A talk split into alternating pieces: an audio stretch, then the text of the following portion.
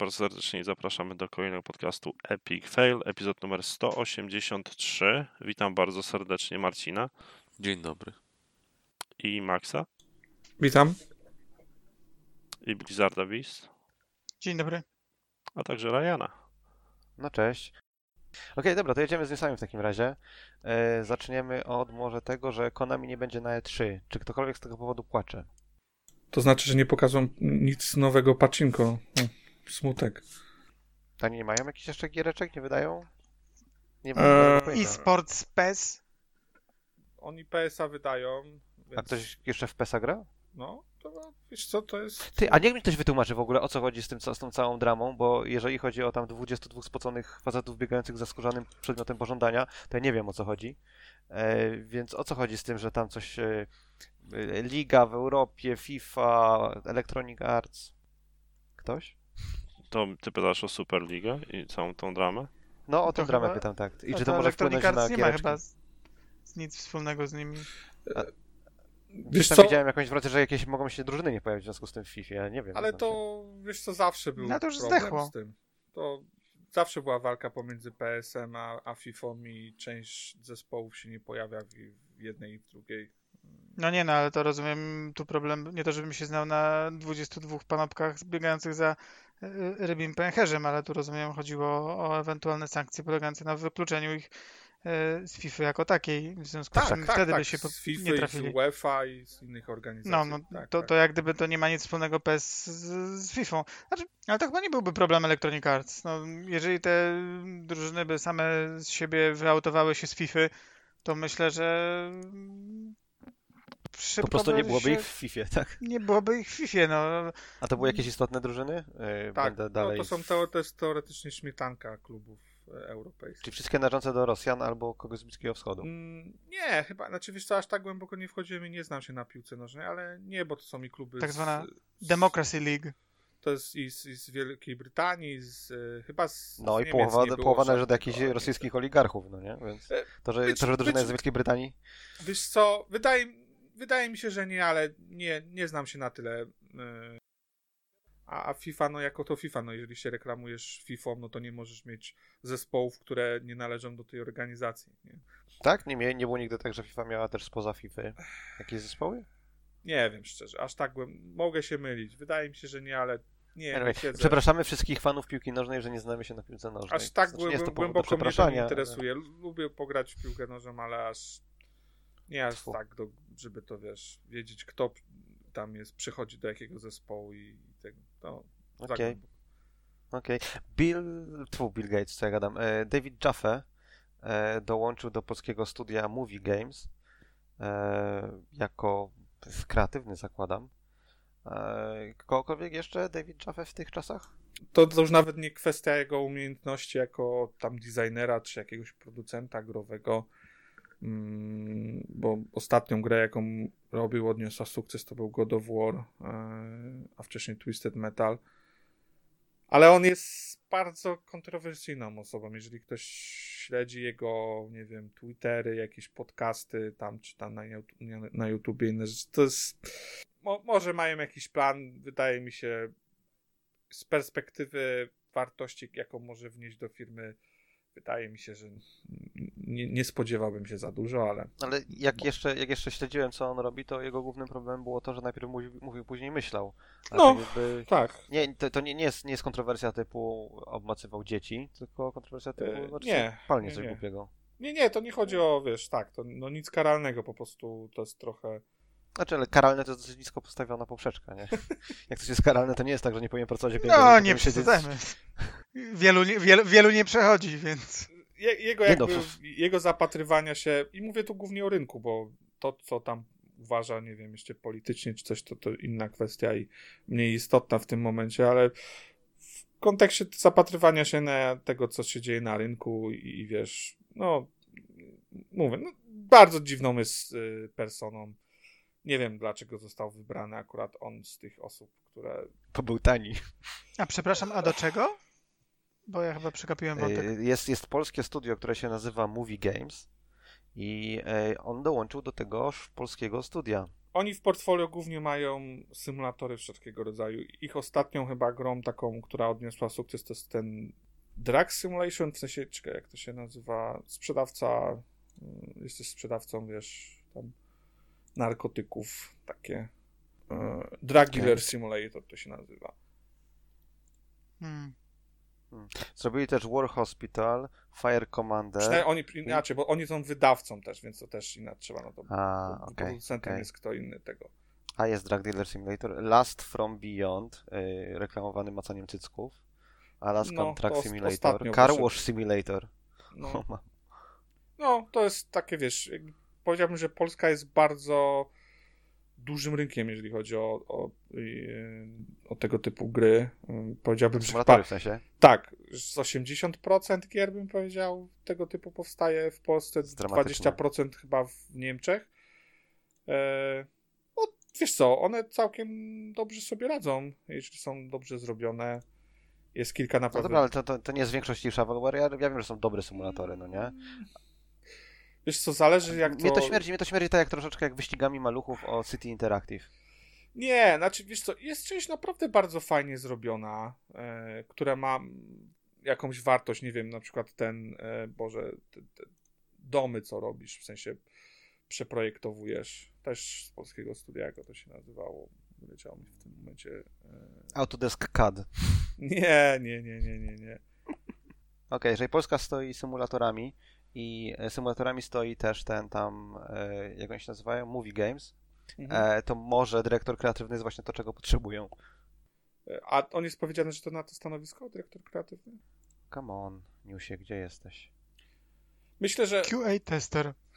Za chwilę wyczytasz. Albo, albo Junior Concept Artist. Sound paradoksa- designer. Paradoksalnie bym powiedział, że obecna sytuacja na świecie covidowa sprzyja tego typu mm, zmianom, bo ja na 100%, y, może nie na 100%, ale strzelam, że on będzie pracował zdalnie. Nie, nie przeprowadzi się do Polski. O, szefem marketingu jest Piotr Gnyb e, w Movie Games. Nie wiem, nie, kojarzy, nie wiem czy kojarzycie Piotra tak, Gnyba no, z ja, Poligami, ja, ja kojarzę z poligami, tak. A wcześniej z polskiego Elysium Świata Mroku. C- c- przepraszam, c- czego? Halo? Polskie Elysium Świata Mroku. To był taki polski em, fandom Wampira Maskarady. On, on chyba tam robi też cały wokół tych projektów, jeśli dobrze pamiętam, z wampirami te, tego uniwersum. Matko Ale Przenajświętsza. No, jakaś nisza jest, no każdy, wiesz, sobie tam gdzieś znajduje jakąś niszę i, i jak dobrze się w niej czuje, spoko. Do, dotarłem do, na stanowisko. Stanowisko jest non-executive, kandydat na członka Rady Nadzorczej. No to już Czyli nie osoba, która nie będzie musiała za wiele faktycznych czynności wykonywać. Musi po prostu mieć opinię. Nie wiem, mo, Tak. ta fi, o, oni są na giełdzie? Może to jest kwestia bardziej ruchu w stronę giełdy, pokazanie hej, zatrudniliśmy super specjalistę i dzięki temu tam 20% zyskamy Movie na Games, spółka akcyjna na New Connectie. Oczywiście, że tak. O, no to no to wiesz. Ich akcje od lutego e, ten e, monotonicznie zmierzają w dół. Tak zwany efekt cyberpunka. Czy ja wiem? Nie każda spółka e, na New Connectie, która zajmuje się grami, ma taką tendencję. Ci od Ghost Runnera wręcz przeciwnie. Dobra, e, co tam jeszcze? E, Sony zarejestrowało trademark Sunset Over, Overdrive. Była taka gra. Jest, tak. No, przez i- Insomniaków zrobiona. To jest jeden z tych błędów, które popełnił Microsoft w poprzedniej generacji, patrząc z ich perspektywy. E, czyli IP zostało e, nie przy nich, tylko przy, przy Insomniaku, chociaż gra wyszła ekskluzywnie To jest na... któreś. To już jest któreś, prawda? To samo mówiliśmy ostatnio o Alanie Wake'u. Mhm. Nie wiem, czy, czy te pozostałe. No, jakaś absurdalny jakiś ruch kompletnie. Ale No. może to jest kwestia, czy jest wartościowe, czy nie jest wartościowe. No nie, trademarkowanie rzeczy, których No, nie chcesz. ale, ale to nie, nie wiadomo, czy jest wartościowe. Natomiast Jest, zawsze no. lepiej mieć portfolio niż nie mieć mm, tak mm, z punktu widzenia kogoś, kto chciałby potencjalnie się rozwijać. No, nie, jest to dla mnie niezrozumiałe, w jaki sposób można by się wyprztykać, bo e, tak naprawdę nawet jak dzisiaj spojrzysz na wiele firm, które absolutnie nic nie robią, choćby wspom- wspomniane już wcześniej Konami, to jeśli cokolwiek mają, to mają IP i to jest zawsze jakaś wartość. No ale jest IP i jest IP, no nie? E, IP Sunset Overdrive, no, gra zrobiła, miała spoko tam recenzja 8,5 na 10 powiedzmy. No ale co z tego? Tak, cze- czeka ktoś na Sunset Overdrive 2? Mm, Szczerze, Ja to- czekam. ta gra była Ale dosyć tej gry nie będzie. oceniana, tak? Że Ona była całkiem fajna, całkiem zabawna. Mówię, może to nie był AAA-owy hit na, na poziomie, żeby tam, kurczę, nie wiadomo co robić, ale to Dlaczego, wydaje mi się... triplejowo brakowało tej grze? O, przepraszam bardzo. Nie, nie, chodzi mi To, że nie wiesz, był hit, to jest jeden temat, ale to była mm, absolutnie... Mówię, raczej chodzi mi o tym, że to nie był, wiesz, The Last of Us, budżet czy Gears of War. E, bardziej mi to przypomina, wiesz, teraz sytuację z, e, na przykład jak z Re- Returnalem. To jest podobnego kalibru gra dla mnie. Może nawet chyba Sunset Overdrive był trochę wyżej celowany. To tak jakbyś powiedział, że wiesz, Returnal teraz nie jest e, IP, no, oni kupili House markę, ale to tak jakby, wiesz, Sony powiedziało, ok, no to nie interesuje mnie to IP, róbcie z tym, co chcecie. Nie wiem, wydaje no mi się... dobra, ale, ale, to, ale to możesz powiedzieć mi, jaka rzecz nie, yy, nie jest to top tier w e, Sunset Overdrive? Sprzedaż? Nie, nie, wiesz marki. co, Sprzedaż to nie jest żaden... o budżet. Ja zakładam, że to nie była gra, która miała bardzo duży budżet. Jakby ja głównie oceniam e, te jakby e, określenie, czy to jest triple-A-owość, tak, przez, przez pryzmat kosztów, które zostały poniesione przy stworzeniu tej gry. Nie zakładam, że to była bardzo duża gra. Jakby oczy, oczywiście ona może się mieścić w kryteriach powiedzmy jakiegoś tam bardzo taniego AAA, ale mówię, porównując go pewnie do Gears of War, Halo, bla bla bla, no to ona jest na tym nisk, bardzo nisko na tym e, wykresie.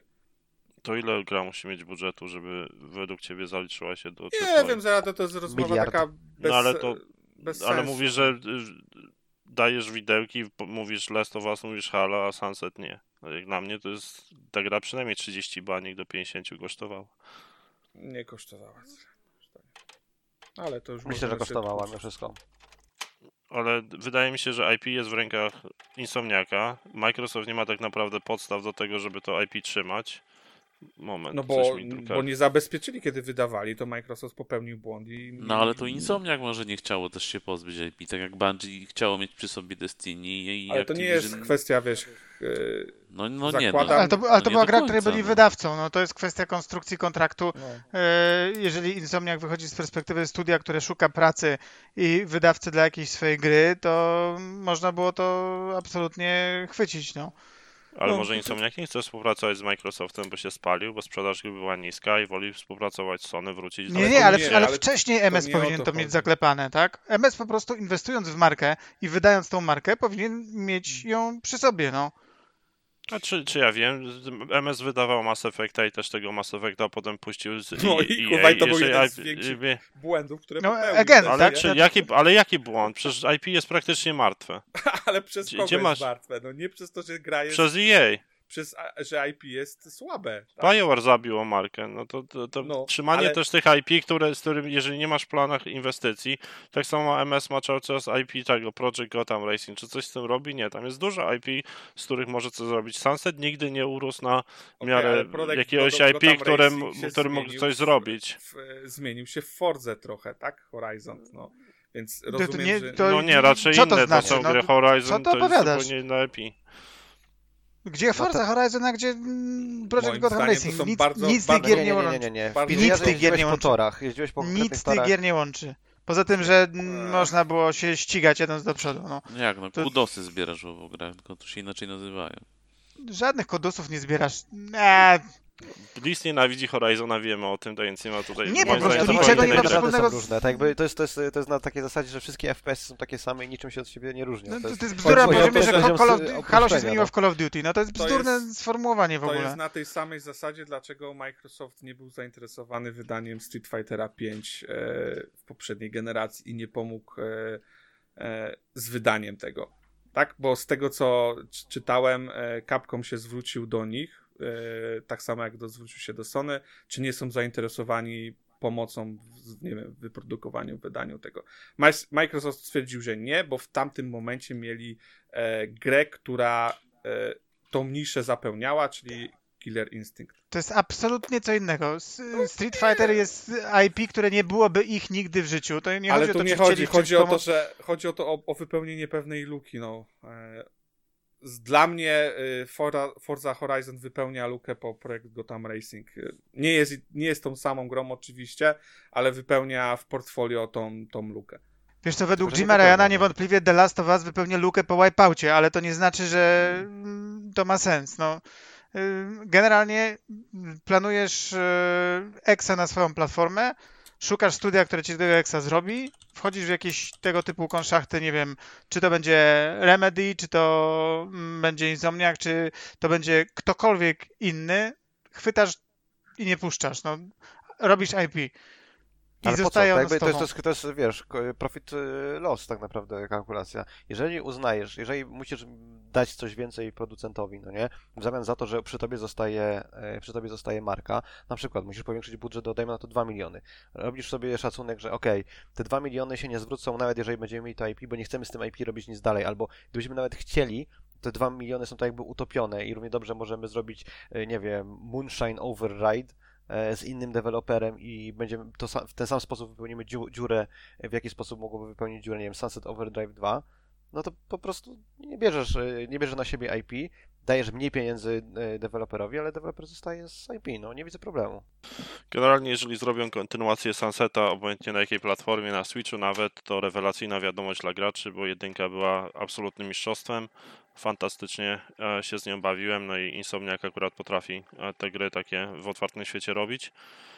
Nie wiem, co moja drukarka w tym momencie robi. Ciężko będzie wyciąć ten dźwięk. Może ją wyłączę po prostu. E, Ale ja jestem jak najbardziej oczekuję może nie tylko tego, że zarejestrowali coś, tylko że będzie właśnie jakaś kontynuacja tego, a nie że posiadam PlayStation na to. 5. Nie ma szans. Myślisz, że nie? No masz E, no. grę, która się nie sprzedała, grę, która była wydana na innej platformie jako X i co, oni będą teraz inwestować w kontynuację ewentualną? Może zrobią remake'a tak jak z Last of Us. No pytanie, i czy, zrobią, czy, no, czy Microsoft nie ma praw wydawniczych do jedynki? To, że nie mają IP, to nie znaczy, że nie mają praw wydawniczych do jedynki. No ale to Microsoft, Marcin, Yy, zależy mu na Insomniac tym, chyba- Mass Effecta Insom- wypuścił. Ale Insomniac chyba sam wyrzucił yy, PC-towego potem porta w 2018 roku. Nie wydaje mi się, żeby MS miał z tym PC-towym portem cokolwiek wspólnego, a jeśli tak, to być może w takim razie Mieli nie, prawa wydawnicze- rację. Wydaje mi się, że Microsoft nie miał. Ale to nie znaczy, ale to nie znaczy, że nie mają na przykład ekskluzywności w wydawaniu na konsolę, nie?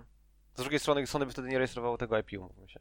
No i Microsoft, nie no, wydaje mi się, że jeżeli, nie wiadomo, to Marcin, to tu powinieneś skoczyć zaraz jakieś kruczki prawne, czy jeżeli by wydali to jako Sunset Overdrive Full Edition Arcade Remaster Global Legendary, czy, czy to jest wtedy traktowane jako zupełnie inne wydawnictwo, bo tak wydaje mi się e, i jej przeskoczyło problem z ekskluzywnością pierwszej części Mass Effecta, gdy później ona się ukazała na jakąś tam PlayStation. Nie, Nie wiem, Microsoft musiał zgodę wyrazić na tego Mass Effecta, tam, który wychodził później. No może wyraźnie, no przecież Phil wyraźnie w każdym wywiadzie, że jego ekskluzywności, na ekskluzywności ma wywalone. Tak, a potem kupuje z, z, y, Zenimaxa za 7,5 miliarda. No ale, Ale nie mówią, że wszystko będzie ekskluzywne. Niektóre rzeczy będą nadal multiplatformowe. Nie- Minecrafta masz No, cross-platformowego, masz, masz Deathloopa, który cały czas wychodzi, tak więc no, być może jakaś tam jedna czy druga gra określą ją mianem strategicznym i ona się ukaże ekskluzywnie na, na Xboxie, ale generalnie chyba będą kontynuować tą politykę No ale Zenimax E, ma tego, żeby- są, są, są ma Zenimax? Zenimax ma całe dwie gry w swoim portfolio, czy tam IP, więc jeżeli jedna, dwie gry ukażą się ekskluzywnie na Xboxie, to znaczy, że wszystkie się ukażą ekskluzywnie na Xboxie. No, Jakie dwie gry więcej ma, co ty też mówisz. co to powiadasz? że- żartuję. No dobra, no cztery mają. Mają y, Fallouta, mają Elder Scrollsy, mają Duma i Rage'a. Co ty pierdolisz? Mają jeszcze też Wolfensteina? Wszystkie Quake'a, gry od Arkane. mm, Co No. ty wygadujesz Quake teraz? nikogo w 2021. To nie o to chodzi, czy w 2021 kogoś. Chodzi o to, że masz bibliotekę zajebistych IP, z których 20 możesz, gier tam. Możesz wyciągać i, i reaktywować. No, równie dobrze mogłeś powiedzieć, że Doom w 2015 też nikogo, bo długo było wcześniej cisza. Albo Wolfenstein był nikogo, bo i co? I się zrebootowało i poszło dalej dobrze. No to warto mieć takie IP po prostu.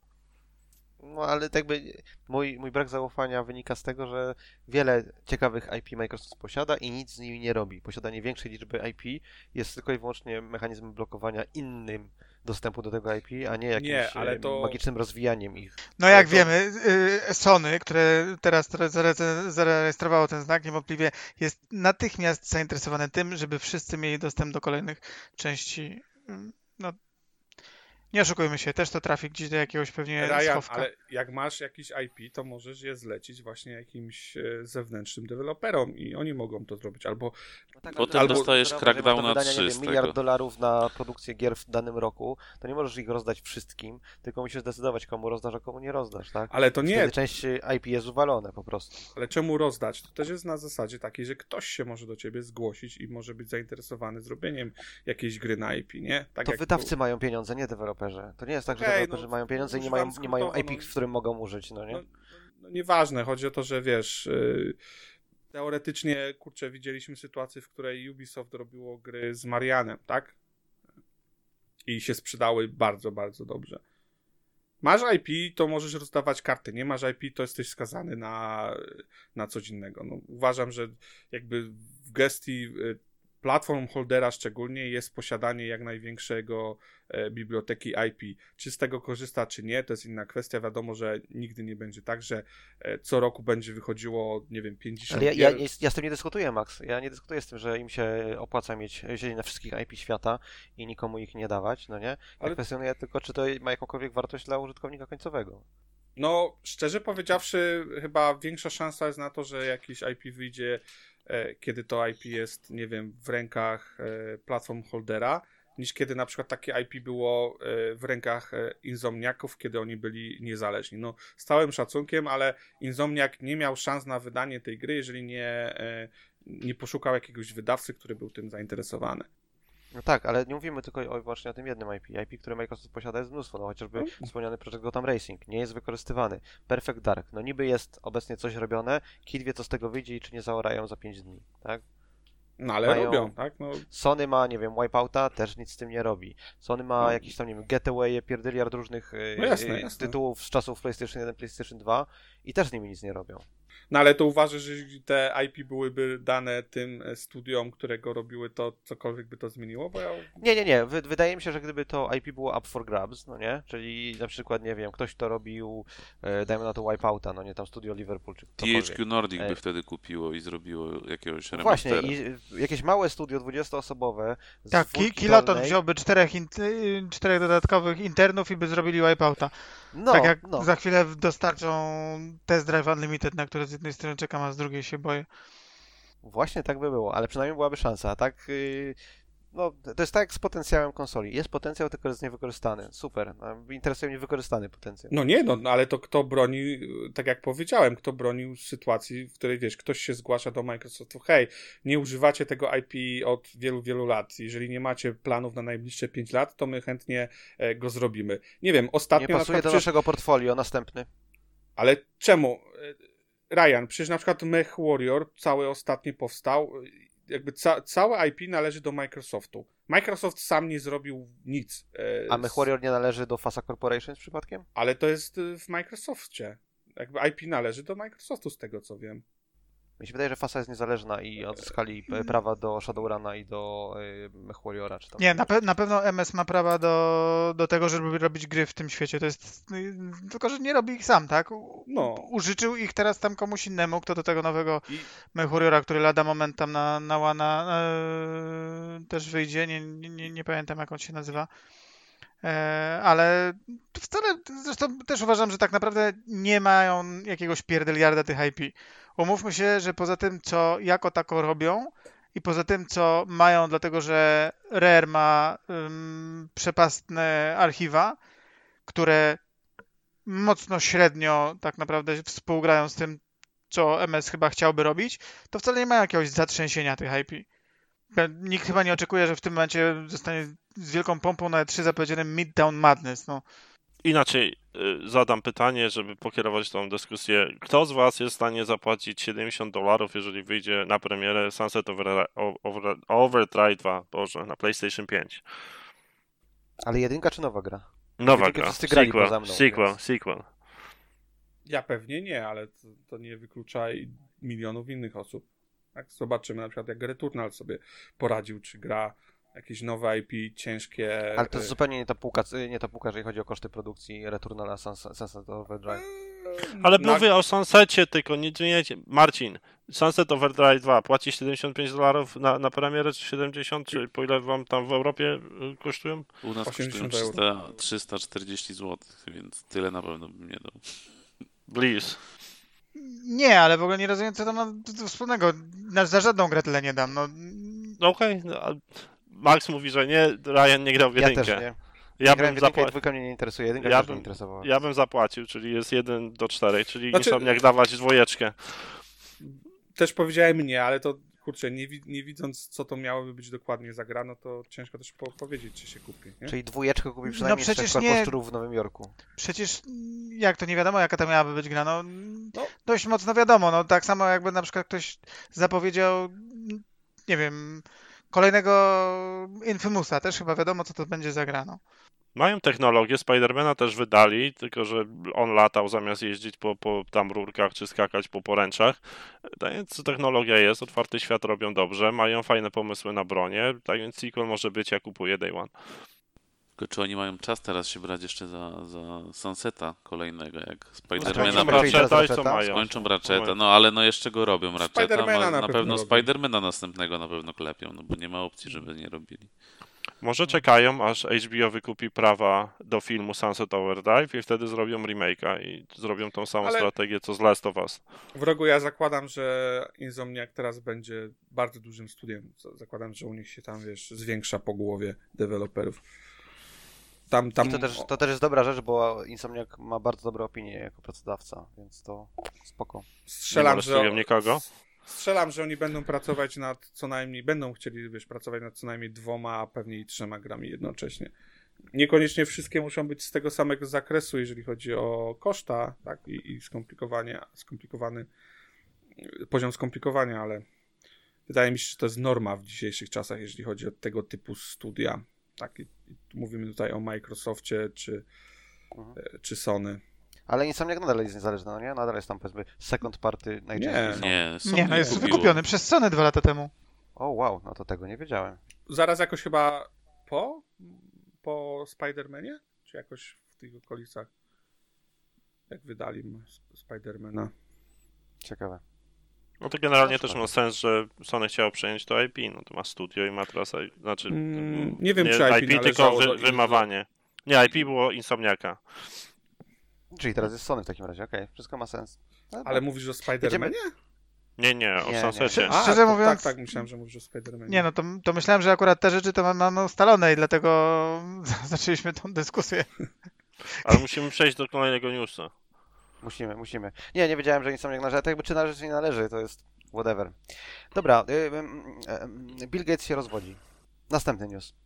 E, Przynajmniej Microsoft zamienia na jakiś młodszy model, czy coś? Bo nie wiem, po coś. Myślę, że nie. Myślę, że nie. Ja myślę, że to jest to jest jednak z drugiej strony płynie inicjatywa, a nie z jego strony. Myślisz, że to Melinda? Nie, Na podstawie tego, Nawet co nie wiem, kto to był- jest, okej. Był taki Melinda ciekawy. No, fa, fa, fajny był, um, czy jest raczej dokument na Netflixie właśnie o Billu Gatesie, chyba tam 3 czy 4 odcinki. To na podstawie tego, jak tam ona się wypowiadała, on się wypowiadał, to miałoby to sens. Tam, wydaje mi się, że jest, ona chce wyjść spod klosza i była traktowana właśnie jaka ta druga osoba, drugorzędna i Bill może nie, nie dał jej wystarczająco dużo szacunku. Chce Miała swój własny ten aeroplan, więc czego więcej potrzeba w życiu? Nie wiem. Spytaj się Melindy. Ale pomyślałem sobie, moja pierwsza myśl była, jak widziałem dzisiaj tam y, wiadomość na Twitterze Billa Gatesa, to pomyślałem sobie, że w sumie lepiej by wyglądało, jakby to Melinda o tym poinformowała, a nie Bill. Ale obydwoje ponoć. A, może okej, nie ja śledzisz, jej- może jej nie śledzisz po prostu. No bo jest tą drugą, no to wiadomo. E, Microsoft chce zredukować tam swój cut e, w Xbox Store z 30% do 12%, był też taki news. Był, był mocno negowany, w sensie, że tego nie... O ile na PC to jakby jest potwierdzone, a w przypadku konsol, że to jest bzdura. To tego negacji nie widziałem. Ale No, przykro, tam przykro. się pojawiło trochę. No, co, co jest trochę logiczne, bo Microsoft na rynku PC jest w trochę innym miejscu niż na rynku konsol. W przypadku konsol chyba w tym momencie nie, nie ma takiej potrzeby, ale bo, nie wiem. Mo, mo, Ale to, to, to jakby to nie tylko chodzi o potrzeby, tak? Chodzi też o możliwość. Co daje nam dobry segue do tematu e, numeru, e, czyli Apple versus Epic. Jeżeli ktoś mieszkał pod kamieniem, tak jak ja, i nie wie o co chodzi, no to Epic Games y, swojego Fortnite'a na iPhone'ie zmodyfikował w pewnym momencie był tak, że można było jakieś tam rzeczy kupować i były dwa sposoby. Możesz kupić przez y, y, tam Apple In-App Payments y, i zapłacić kwotę X, albo można kupić bezpośrednio od nich i zapłacić kwotę niższą, co jest oczywiście niezgodne z tam Terms of Use Apple Store'a, więc aplikacja została usunięta, co Epic na co Epic był ewidentnie przygotowany, bo mieli gotowy trailer, e, który pokazywał, jacy to oni są e, znakomici i walczą o prawa ludzi i prawa graczy.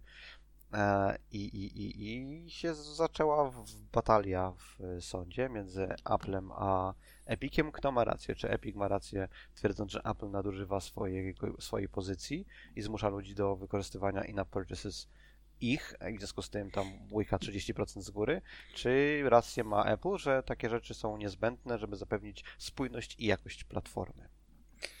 Ja mam pytanie do wroga, zanim się kto inny wypowie. Czy tam jest podstawa prawna do tego pozwu? No pewno jest, bo, jest, bo się sprawa rozpoczęła, ale No, co ty się jak się prawnik na ja to wiedzieć? zapatruje? No, skąd ja mam wiedzieć takie rzeczy? No Marcin, Ale Marcin nie jest adwokatem, tudzież prawnikiem, tudzież, y, nie wiem, paralegalem y, prawa amerykańskiego, tak? no ale coś tam liznął tego Je- o tym prawie amerykańskim chyba przez te jeszcze 5 kor- lat. Jeszcze korporacyjnego, które już w ogóle jest samo w sobie pewnie. Nie wiem, wszystko, tutaj się wszystko roz, rozbiega, skoro wrogu nie chcę powiedzieć. Tutaj się wszystko rozbija o to, czy... Yy, może, może przelecimy po prostu przez te przez slajdy, bo one są y, totalnie amusing, co kto twierdzi. Więc jakby argument ze strony Apple'a wygląda w ten sposób, że Apple y, dla zapewnienia jakości produktów e, musi mieć tam lockdown, że oni kontrolują absolutnie wszystko. I że to nie jest tak, że nie można pewnych rzeczy zrobić e, na iPhone'ie, bo absolutnie wszystko można, bo oni dostarczają API, ale jednocześnie też twierdzą, że API do płatności w aplikacji nie jest produktem, tylko jest y, zwykłym API, to nie jest produkt. Oni, to nie jest tak, że ich produkt jest, niekon- że oni uniemożliwiają konkurencyjne działanie z tym produktem, bo to nie jest produkt. Ponadto Apple twierdzi, że jest zajebiste dla deweloperów i oni mnóstwo, mnóstwo e, ten, e, pieniążków zarabiają deweloperzy dzięki nim e, oraz, że malware, in- infekcje tam malwarem e, na ich platformie są nieporównywalnie mniejsze niż na Windowsie albo na Androidzie. E, Ponadto twierdzą, że mm, co tam jeszcze, że Epic e, kłamie twierdząc, że robią to dla ludzi. Twierdzą też, że ich 30% tam cut nie jest nadzwyczajny i że tak naprawdę to jest mniej niż 30%, bo mają specjalne programy, na przykład w tym roku dla małych przedsiębiorstw, e, że tam ten cut jest chyba 15% wtedy przez pierwszy rok, coś takiego. To E, chyba jest od, o ilości mm, zarobionej kasy, to chyba nie jest od czasu. No tak, ale to zależy od tego, nie, to, to jest, w każdym roku mają inny program i musi się zakwalifikować jako małe przedsiębiorstwo i przypuszczam, że małe przedsiębiorstwo to jest takie, które zarabia mniej niż, no nie? A tak by to jest tam małych przedsiębiorstw. Tak samo Microsoft ma z, z różnymi tam zniżkami na Azurach, no nie? Tak samo to strukturyzują. Yy, twierdzą, że argument yy, Epica jest jednocześnie too broad i too narrow. Nie rozumiem, co to znaczy, rozumiem literalnie, co to znaczy, nie rozumiem, co to znaczy w, kwestii, w sprawie, pra, w, w, tak jakby w kontekście sprawy. Co jeszcze tam Apple twierdzi? Kwintesencja, Epic, co dajesz? Daj, dajesz następne. Kwinte, Dobrze, za, no tak zawartość. Apple, Apple uważa, że Epic nie ma racji, tak w skrócie można powiedzieć, i im zależy na jakości, a Epic twierdzi, że po pierwsze nie jest prawdą, że y, platforma musi być zamknięta, ponieważ dokładnie z tego samego softu korzystają na macOSie, gdzie możesz robić tam sideloadowanie APEK i wszystko jest ok. E, Apple samo twierdzi, że to nie jest tak, że iPhone jest bardziej lub mniej bezpieczny niż macOS, Mac, czy tam OS X, OS X jest bezpieczny.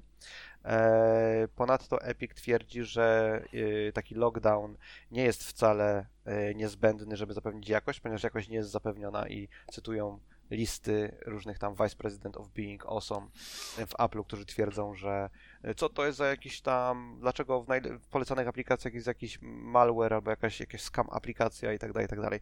Czyli wiedzą o takim problemie, mają taki problem mimo wszystko. E, co jeszcze? No to w zasadzie się No. do tego sprowadza. Cytują dużo martwego Steve'a Jobsa w każdym razie. No, I, generalnie te, I wiesz, tego, że im nie zależy na zysku. bzdura, bo jednocześnie wiesz, w ogóle nie, jest, nie ma rozmowy na temat tego, czy na przykład Sony czy Microsoft mogą pobierać 30% e, w przypadku Ale ich pojawiła się dzięki Ale temu informacja ciekawa, że, Tak, tak. I że ten, że Sony życzy sobie y, procent kasy zarabianej na innych platformach, jeżeli gracz y, korzysta głównie z PlayStation, co było fascynującą rzeczą. Tak, no to jest Ale kilka to czekaj, to jest osobny to- news, to jest osobny No, news. no, To, tak. z, z, z, nie każdy się może wypowie, po jakiej stronie się bardziej ustawia, czy ma opinię, czy... Bo, e, chyba ogólnie jesteśmy zgodni i tutaj nie ma żadnej kłótni z tej strony, że to tak naprawdę bajka z jednej i z drugiej strony ułożona odpowiednio, a rozchodzi się o pieniądze. To, tu chyba Mhm. nie ma niezgody, że Epic chce tam e, jedności dla, dla wszystkich, czy ułatwić drogę Rozchodzi o małym 9 deweloperom. rocznie. tu, tu chodzi o pieniążki i ja- jak się zapatrujecie? Pan prawnik, niech się wypowie. Jak on się zapatruje? Mówimy o, mówimy o konflikcie dwóch miliardowych korporacji i to, czy wygra jedna, czy druga, tak naprawdę nic nie znaczy, bo i konsumenci na tym nic nie zyskają, więc nikogo. Ta sprawa od samego początku chyba nikogo jakoś szczególnie tam nie intrygowała, ale teraz, teraz te dokumenty wszystkie, które przy okazji rozprawy wyciekają, to jest interesujące, bo pozwala rzucić okiem, jak tam pewne sprawy w branży funkcjonują od środka. No, myślę, że to jest naj, naj, najciekawsze. Być może to nie jest, nie poszedłem tak daleko, że to nic nie zmieni, albo że nikogo nie interesuje, bo, bo ciągle, wiesz, walka dwóch kolosów jest e, fascynująca w pewnych e, elementach, ale no, nie, nie spodziewam się, żeby to dla nas, konsumentów, jakieś ostatecznie bardzo duże zmiany wprowadziło. Znaczy, moim zdaniem to wprowadza, potencjalnie może wprowadzić e, sporą zmianę, to znaczy jeżeli tego typu praktyka, to znaczy blokowanie dostępu do alternatywnych chociażby metod płatności na platformie e, jest e, uznane za nielegalne i zostanie to wpisane w, to będzie tak jakby elementem prawa, no nie, regulacją, tak powiedzmy, no to super, tak? Z punktu widzenia konsumenta to jest zajebiste, bo to zwiększa zwiększa ci liczbę wyborów, które możesz podjąć, tak? Jeżeli chcesz, to możesz płacić w taki sposób, w śmaki sposób. Nie jesteś e, przypięty do tego, jak, jak wygląda ekosystem e, Apple'a. Więc z tego punktu widzenia to może być korzystne, tylko nie, nie mam pewności, czy, czy Epicowi się uda udowodnić, że e, tego typu praktyki są, są nie okej. Czy ja uważam, że Epic to wygra? Bo tu nie, ja nie widzę podstawy, dla której. Znaczy, co, przepraszam, Apple to wygra, bo ja nie widzę na jakiej formie Epic może przepchnąć swoją tezę. Właści, właścicielem platformy jest Apple, ona dyktuje terms and conditions, do którego Epic musi się dostosować. Ale I to, to tak nie działa. Wiesz, te terms of condition, jeżeli są niezgodne z prawem, to są nieegzekwowalne. To, co próbuje Epic przedstawić, to przedstawić, że to, co robi Apple, e, jest niezgodne z prawem tam, nie wiem, e, konsumenckim albo anti-competitive albo whatever. To o to chodzi. To nie jest tak, że jeżeli... Nie, to oni jeżeli... tylko zapatrują się na monopol, tylko że oni cały czas budują to na tej tezie, gdzie e, Apple ma monopol, a monopolu nie ma. I Apple argumentuje to tym, że przecież ja nie blokuję, że jeżeli ktoś kupi, nie wiem, to V-Currency na PlayStation czy, czy na Xboxie, nie będzie je mógł potem wykorzystać na moim iPhone'ie. Niech sobie ludzie kupują gdzie chcą, ale jeżeli korzystasz z mojej platformy, to musisz korzystać z mojego sposobu płatności i tyle. Ale z to się nie reguły tak to działa, że jak kupujesz na innej platformie tą walutę w grze, to masz dostęp tylko na danej platformie Zeratu. Nie, nie, nie. Właśnie o, z tego, co ja prze- wczoraj przeczytałem, to masz dostęp na byle jakiej platformie. Tylko Nie, chodzi może o to, że jeżeli korzystać... tak jest, no ale co do zasady, tam gdzie kupujesz, tam masz dostęp, tak samo w Destiny. Srebro kupisz na Xboxie, tylko na Xboxie użyjesz, to samo w Call of Duty, kod pointsy kupisz Ale nie w Fortnite, właśnie. Ja Może z tego, co przeczytałem ale- wczoraj, w Fortnite tak. masz dostęp wszędzie, tylko że nie You're możesz... in violent agreement, guys. Naprawdę. Wszyscy rozumiemy, że, że w Fortnite to tak nie działa, ale wszędzie indziej to tak działa, że y, kasa wewnętrzna jest przypisana do platformy. No ale To, to, o, mówicie to samo oboje. generalnie mówię, o, moim zdaniem nie ma tu problemu. Apple tak naprawdę podążyło za tym, gdzie była cały czas branża. Te 30% było standardem i jest standardem na wszystkich innych platformach. Oni ten standard ustanowili, więc to nie jest tak, że podążyli za standardem. No nie, nie. Według Pierwszy- tabelek pierwszy- no, to oni wykorzystali, co było wcześniej dostępne na PlayStation i na Xboxie. Ale To to, nie nie jest tak, że tu chodzi o 30%. samego Fortnite'a, pamiętajmy o tym, bo Epicowi ostatecznym celem, e, ostatecznym celem dla Epica jest to, żeby mogli swój sklep prowadzić na daną platformę, a nie tylko, że mogliby sprzedawać V-Bucksy samodzielnie bez tam tego udziału Apple'a. No i to samo Microsoft dlatego też jest ograniczony, jeżeli chodzi o Game Passa. No Apple chce mieć tą kontrolę tego store'a i chce, żeby ludzie korzystali i kupowali na storze. To przecież koniec końców im przynosi profity, a nie ludzie nagle Ale zaczną korzystać z Game Passa na argument- iPhone'ie.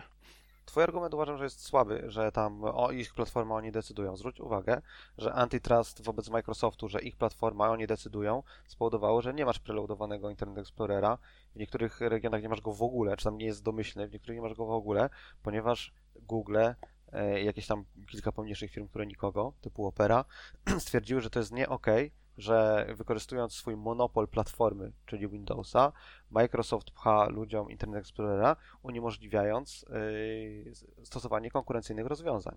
Więc tak jakby ten argument, że to jest twoja platforma i wolność zrobić cokolwiek, się nie broni, no nie? Zgodziłbym To się coś- z tobą, gdyby nie było tak, że iPhone jest jednak procentem część, procentową częścią rynku mobilnego i masz naprawdę dosyć duże pole popisu, jeżeli chodzi o platformy androidowe. W przypadku platformy Microsoftu tak naprawdę no, nie ma, za, jeżeli patrzysz y, Windows versus iOS, czy Mac, czy, czy Linux, Ale no to jest tam jednak troszeczkę... toczą. To nie tylko opowiadasz? dotyczy. Z Googlem No ja, jaki masz procentowy podział platform e, mobilnych versus y, stacjonarnych?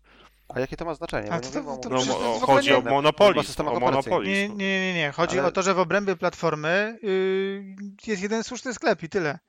To jest tak, jakbyś miał nagle dystrybucję oprogramowania na Windowsa wyłącznie przez e, Microsoft Store. I, sorry, wszystko inne przestało działać, bo, bo musisz. Zwróć uwagę, zwróć uwagę, że to nie przejdzie na desktopie i nie masz tak nawet na OS X-ie, co Na osie, samo tak, przyznaje. tak.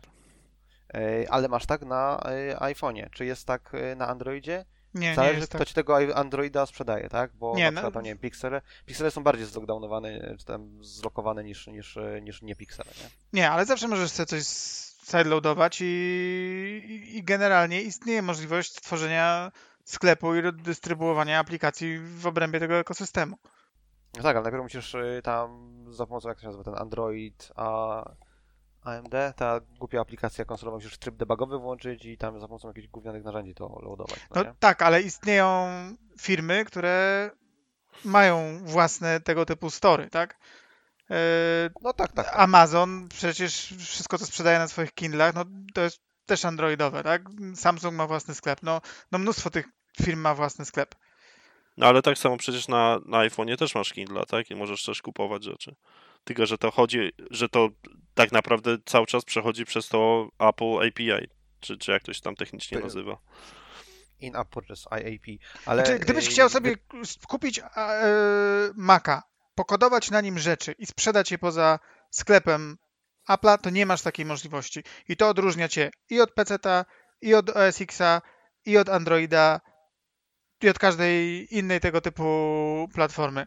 Do czego kompletnie nie rozumiem, bo jak gdyby, znaczy ja, mi się też wydaje, że Apple to wygra, bo wydaje mi się, że y, antitrust może pojechać tylko do pewnego jakby Microsoftu.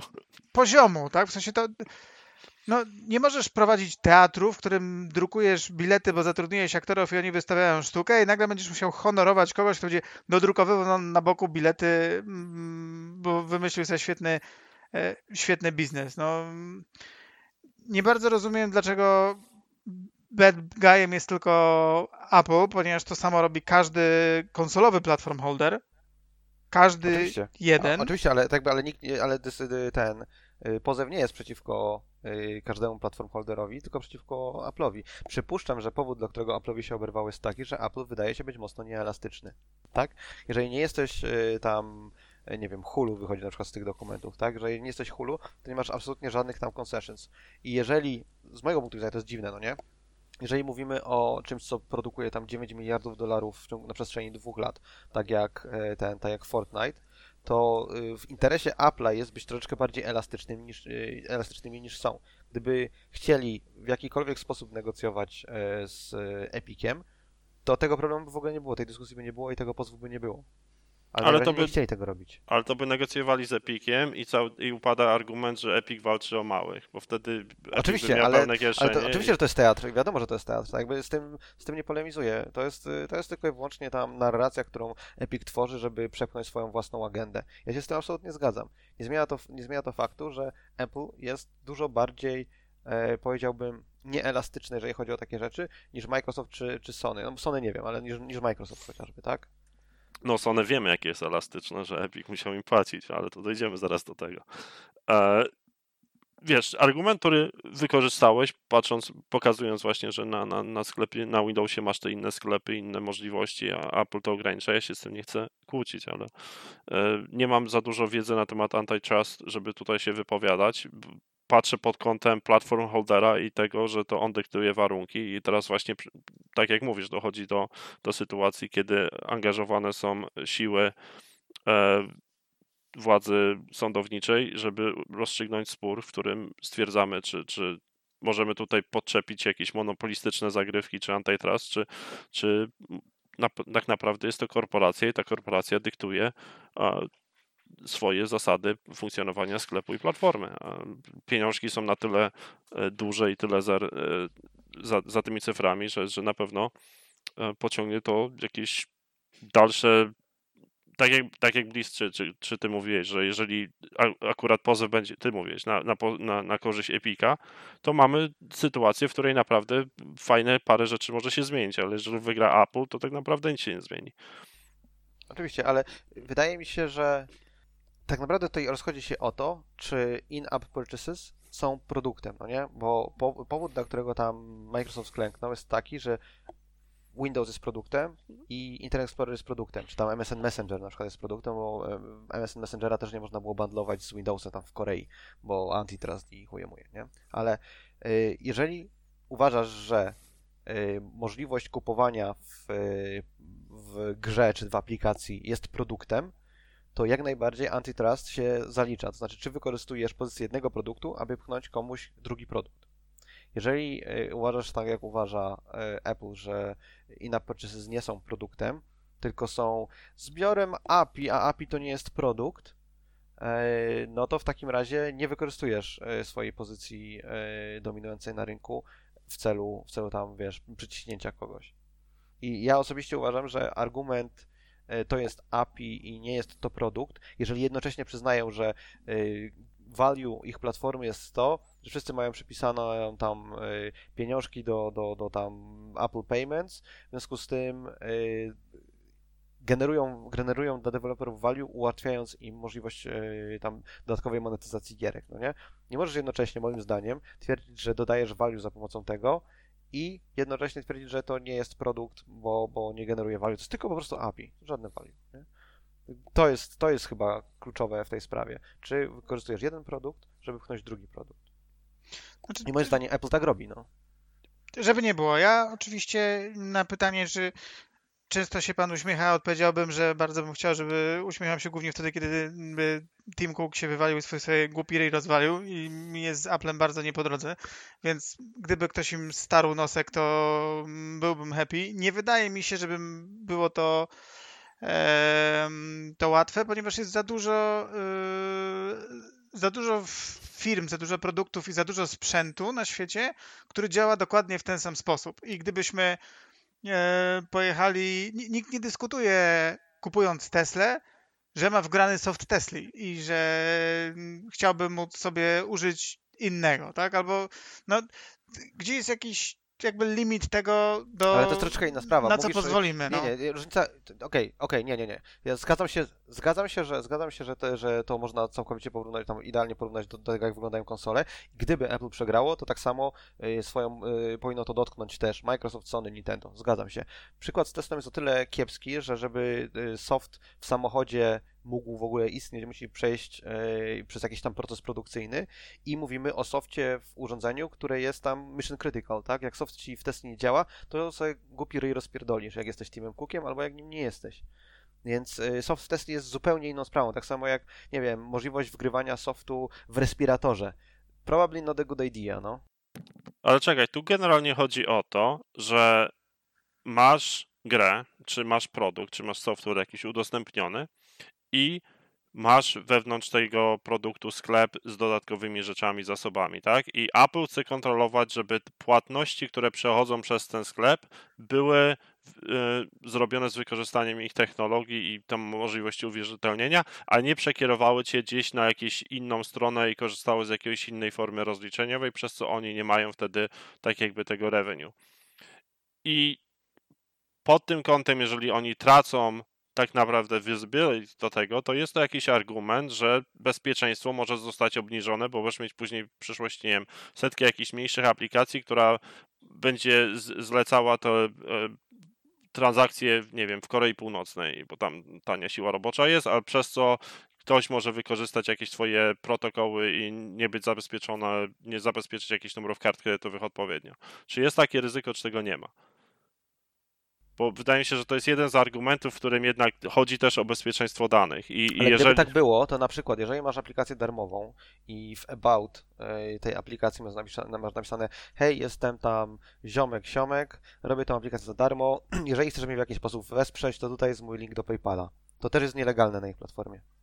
Poważnie? nie chodzi- mi się, e, tak, mi się wydało, że ten tak. koleś, co zrobił Chirpa, akurat miał takie coś, tego Twittera na zegarek. Aplikacja, twoja aplikacja zniknie z, ze sklepu, jeżeli będziesz przekierowywał do jakiegokolwiek, e, do jakiejkolwiek strony, która w jakikolwiek sposób pozwala ci cokolwiek zmonetyzować. Nie możesz linkować w ten sposób. I była masa darmowych aplikacji, jakiś tam, nie wiem, playerek tego ośmiogoczołowego, jakieś tam, wiesz, y, aplikacje, które pozwalają ci odczytać, nie wiem, czytać RSS-y, whatever. Jeżeli masz tam link do PayPala swojego na przykład, no nie, albo nie tam Coffee, whatever, to twoja aplikacja zostanie oflagowana i będziesz miał potencjalnie czas na to, żeby ją naprawić, ale na przykład jedna z rzeczy, których się potencjalnie możesz nie dowiedzieć, to dlaczego oflagowali twoją aplikację i dlaczego chcą ją ściągnąć za tydzień. Sposób, w jaki y, dowiadujesz się o tym, co zrobiłeś ok, czego nie zrobiłeś ok, co musisz poprawić, jest nietransparentny. I to też jest jeden z argumentów, który wyciąga Epic, że fajnie, fajnie, że jest platforma płatności chujemuje, ale jak coś się Apple'owi nie spodoba, to mogą twoją aplikację usunąć, mogą zabić twoje jedyne na przykład źródło revenue. Jest, jest szereg e, historii, gdzie jakaś mała firma, zatrudniająca nie wiem, 5-6 osób, utrzymująca się z tego, że ma jakąś aplikację, dała jakiś link, który się nie spodobał komuś, kto weryfikował aplikację i aplikacja poszła się rąbać, firma poszła się rąbać. No jest podobne, y, można symetrycznie czy analogicznie porównać do ludzi, którzy byli tam zbanowani na Twitchu i twierdzą, że też nie znali do końca powodu i Twitch tak naprawdę nie dał im szczegółów tego bana, ale... Oczywiście, oczywiście, oczywiście, ale moderacja tak jakby, moderacja aplikacji, czyli argument, że e, aplikacje, które pojawiają się w Apple Store są super bezpieczne i zajebiste i to z, e, tak jakby poprawia value naszej platformy, ponieważ e, my tam ręcznie, sobie, ręcznie wybieramy co może, a co nie może być, to, e, że tak powiem, e, ginie ten argument, jeżeli weźmiemy pod uwagę raz, że jest mnóstwo gównianych aplikacji, które skamują cię na pieniądze e, na, na Apple Store i one są regularnie oczywiście usuwane, ale one najpierw tam trafią, czyli przeszły proces jakiejś e, weryfikacji. Po drugie, masa twoich gier, i to nie tyczy się tylko i wyłącznie Apple Store'a, no nie? Ale masa gier to są gry free-to-play, które mają mikrotransakcje i odróżnienie gry dobrej e, free-to-play z mikrotransakcjami, takiej, nie wiem, takiej, nad którą pracuje Max na przykład, od takiej, która tam, prawda, jest zrobiona przez Chińczyków z re- reskinem 17 tej samej gry i próbuje sobie tylko wyciągnąć kasę, nie jest łatwe i w żaden platform holder ci tego nie ułatwia, więc nie, nie czarujmy się, że im zależy na jakości. E, Po kolejne, jeżeli nawet nie monetyzujesz tej swojej gry, ale dajesz sygnał komukolwiek w swojej aplikacji, czy, czy, czy, czy, w grze, czy w aplikację, że mogą, może Ciebie wesprzeć, to też się nie podoba Apple'owi, to, to też może wylecieć ze sklepu. To jakby y, intencje Apple'a, jakie by oni twierdzili, że są czyste, nie są czyste, no nie? A, no nie, to, to argumentu nie ma, wiadomo, że nie są czysto 30%. E, A tak naprawdę wszystko się rozbija o to, ile to powinno być procent, czy 30, czy, czy mniej. Apple, twier- tw- Apple Epic twierdził w tym swoim y, PowerPoincie, że to powinno być w okolicach 9%. Okej. Jakby Wartość, wartość, znaczy tam podają dlaczego taka wartość, no i wartość jest z dupy tak naprawdę, ale... e, Dlatego mają u siebie 12. 30% to jest dużo. No tak, ale 12 jest bliżej 9 niż 30. Nie? No tak, Ale jeśli, ale ale jeśli twierdzi się, że powinno dalej. być 9, to, to, to powinno To się mieć dziewięć. 9. No nie, ale, ale to 9, to 9 się wzięło z konkretnych rzeczy, to znaczy jaki jest koszt utrzymania tej infrastruktury z ratatata, no nie? Jakby koszty utrzymania infrastruktury, yy, gdzie pchasz aplikację, nie wiem, 200 mega, koszty utrzymania y, infrastruktury, gdzie pchasz aplikację 50 giga. A, a jaki jest koszt inny. wytworzenia na przykład kolejnego Battle Passa do Fortnite'a i e, ile za niego biorą? Nie wiem, bo ja nie wiem w ogóle jak działa Fortnite. Wiem, że są jakieś ludziki i stawiają sobie Nie, budynki do tego, i się strzelają. Jak, Jak każdego pesa, no znikomy, masz, no. masz, pro- masz produkt, sprzedałeś go po tyle, ile ktoś go jest w stanie kupić, tak? No, stwierdzenie, że jego wytworzenie kosztuje mniej i ty na przykład y, zyskujesz na tym 1000% jest absurdalne, no bo można to podpiąć właśnie pod to, co, co oni robią z Fortnite'em, no, no z całym szacunkiem, ale wytworzenie z Oczywiście tak naprawdę im nie? polega na tym, że oni chcą mieć Fortnite jako platformę i chcą w Fortnite mieć absolutnie wszystko. Ej, od oglądania filmów poprzez jakieś, nie wiem, uczestnictwo w eventach, chodzenie na koncerty przez Fortnite. Po co masz stawać sprzed komputera czy tam sprzed konsoli, nie? Koncert, koncert w Fortnite, go. Mm. Także tak, nie, nie twierdzę, że, że intencje Epika są, są czyste, ale pote, po, jakby konsekwencje ich wygranej są ok dla nas, uważam. No jeżeli, znaczy, czy są ok dla nas? No, nie, tylko 30% Wz- nie jest tak, że wzmacnia- ceny obniżą. Wzmacnia Epika, co dla mnie nie jest, to jest automatyczna. A to jest inna sprawa, ja, ja nie znoszę Epika i tak jakby ich pozycja na rynku i to, że tam Tencent w nich pompuje kasę, kupili teraz z innych newsów, ArtStation jest ich, no nie? Akurat E, ten i sen też mi nie przeszkadza, no znaczy wiesz, no, ten sen jest wszędzie, nie wszędzie powoduje nagle, że, że są jakieś problemy, bo No nie, ale tak jakby prowadzisz do, do, do, do prawdziwej monopolizacji, no nie? Bo jeżeli yy, A, okej, no, nie, w tym 10 sensie, największych, że- 10 największych gier jest produkowanych przez firmy należące do Tencenta, jeżeli nie wiem, dwa największe silniki, wyobraź sobie, że teraz Tencent kupuje Unity na przykład. Absolutnie Nie, no, zmonopolizowali jasne, w takiej jasne. sytuacji rynek silników, no nie? E, no to, to jest niekorzystne dla nas. Nie, no to w tym jako sensie tak, myślałem, że mówisz, że po prostu, że to jest Tencent, nie wiem, z Chin pochodzi. Nie, nie, nie, to nie jest tak, że ja o Chiny to, to źle, nie, nie, nie o to chodzi. No to ma, Ryan, kole, jakie tam były? Co, co, co, co tam ciekawego w tych pozwach znaleziono? Co za s- słodycze wywlekli? 9 miliardów w dwa lata zarobił Fortnite. Nie jestem jakoś szczególnie zaskoczony. To z dwa lata, nie w rok? Nawet? Dwa, dwa. Wydaje mi się, że to było na przestrzeni dwóch lat, 9, coś miliardów w dwa lata. 5 i tam 3,8 chyba było coś. I nie ma jeszcze danych za 2021, ale mogą w toku Chyba w procesu się do tego czerwcu do... 2020 roku mieli 80 milionów graczy aktywnych. Czy tam kont, no nie wiem jak oni to tam liczą. To Ninja im pomógł chyba i Drake. Z bo wtedy też tam 50%, wybuchło. z czego 50%, jeżeli dobrze pamiętam, czy blisko 50% pochodzi z PlayStation. Tak, to było dla mnie sporym zaskoczeniem, że większość e, Fortnite'a, e, tam kasy robionej na Fortnite jest na PlayStation. Dla mnie to było sporym zaskoczeniem. Dlaczego? Bo to jest bardzo duża dysproporcja, no nie? W sensie to, że trochę więcej osób gra na którejś tam platformie, to mnie jakoś szczególnie nie, nie dziwi, ale że 50% jest na jednej platformie, to jest dosyć zaskakujące dla mnie. Biorąc pod uwagę to, że oni są, wiesz, i na PlayStation, i na Xboxie, i na PC-cie, i na mobilkach i tak dalej. Tak, ale Jeśli, pamiętaj, jeśli porównasz sobie install base, PC-ta i wszystkich innych platform i Playaka, to dysproporcja jest faktycznie gigantyczna. wiesz, ale patrząc, to, zawsze PC jest w takiej sytuacji dziwnie wychodzi, bo, bo jak, jakby nie, niejaką, każdą grę, jeżeli tak porównasz, to, to powinien mieć, na PC powinno być nie wiadomo ile tych y, instalacji, kopii, gier sprzedanych i tak dalej. Nie wiem, dla mnie to wydaje się normalne, biorąc pod uwagę y, gracza docelowego, tak? Czyli mówimy tutaj o naprawdę najmłodszych graczach, wręcz dzieciach. Eee, dzieciak raczej nie siedzi na PC zazwyczaj, w sensie zakładam, że to jest mniejsza grupa. E, może spodziewałoby się, że na e, urządzeniach mobilnych będzie więcej, ale z drugiej strony Fortnite to nie jest gra, która pewnie e, jest najłatwiejsza Mobile do friendly, e, na, na, na, na mobilnych urządzeniach, więc szczerze PlayStation jako taki sztandarowy, jak mówisz i myślisz o grach, myślisz PlayStation, nie wiem, dla mnie jest naturalne. Xbox tak? ma wszystko, to co mówiłeś, to co mówiłeś, że taka dysproporcja powinna zawsze istnieć, bo PC-ów jest więcej. Jeżeli chodzi o gry single player, to bym się spodziewał takiej proporcji, bo jest, grę single player jest stosunkowo łatwo spiracić, no nie? Ale gry, które są z, on, dedykowane online, w szczególności takie, które nie są, nie mają gigantycznej, wieloletniej już tam społeczności, że masz e, nielegalne serwery na przykład, albo po prostu dedykowane serwery, to, to dla mnie ta dysproporcja w Fortnite jest jak najbardziej zaskak- zaskakująca. Znaczy czekaj, bo jeżeli chodzi na przykład, to nie mówię o PC, ale o Xboxa versus PlayStation, to nie było też tak, tu Marcina potrzebuje. Że na PlayStation ten free-to-play gry były e, bez wymagania plusa, a Microsoft dopiero teraz tak, to no, przełączył. Na Xboxie musiałeś mieć Golda. Znaczy wiesz, na Xboxie wiadomo, że masz o wiele bardziej dojrzałych graczy, to wiadomo od dawna, to, to, to nie musimy tego argumentu używać, ale chodziło też o, te, o tę kwestię płatności za, za Chętnie bym ich No, poznał. bo razem mamy 150 lat, gdyby ktoś nie był jeszcze na naszej stronie. Szczerze powiedziawszy, to wiesz, takie obniżanie tutaj wartości, że Fortnite jest, jest wiesz, jaką grą gorszą, bo nie jest dla ciebie, jest trochę dziwne. No co ty, ale- ja Ty uwielbiam, że jest grom dla dzieci, sorry. ale- ja uwielbiam Fortnite'a, ja siedzę... Ale ja powiedziałem, siedzę... że dzieci grają, tak, że jakby grupa docelowa jest to, to nie powiedziałem, że to jest coś złego. Po prostu gra jest celowana w młodszych odbiorców. No to gra celowana w mniej wysublimowanych odbiorców, którzy oglądają kiepskich, to też nie jest krytyka, to jest fakt. Tam Xbox chyba dużo, miał chyba około 30%. Yy, No tak, Czekajcie, to- o, to- czym, o czym my mówimy? My mówimy o ludziach, którzy grali, czy my mówimy o ludziach, którzy wydali pieniądze? Bo jeśli chcecie mi wydali powiedzieć, że... A, okej. Mówimy o revenue, tak? W tym momencie. O, o No rok temu był taki news, że dzieci w szkole się śmiały z innych dzieci, jeżeli Mhm. nie miały jakiegoś tam skina z Fortnite'a. To był też Tak, przecież to jest, rok to temu. jest y, bardzo istotny element, który spowodował, że Fortnite jest w tym miejscu, w którym jest. Tak, czyli presja wywoływana na, na najmłodszych. No, peer, peer pressure, tak samo było za czasów Minecrafta. Jechałem, wiesz, idziesz autobusem i dzieciaki rozmawiają na temat tam Endermana i o, a ja to tam byłem, a ja tu nie byłem. Także tak, peer pressure jest poważny.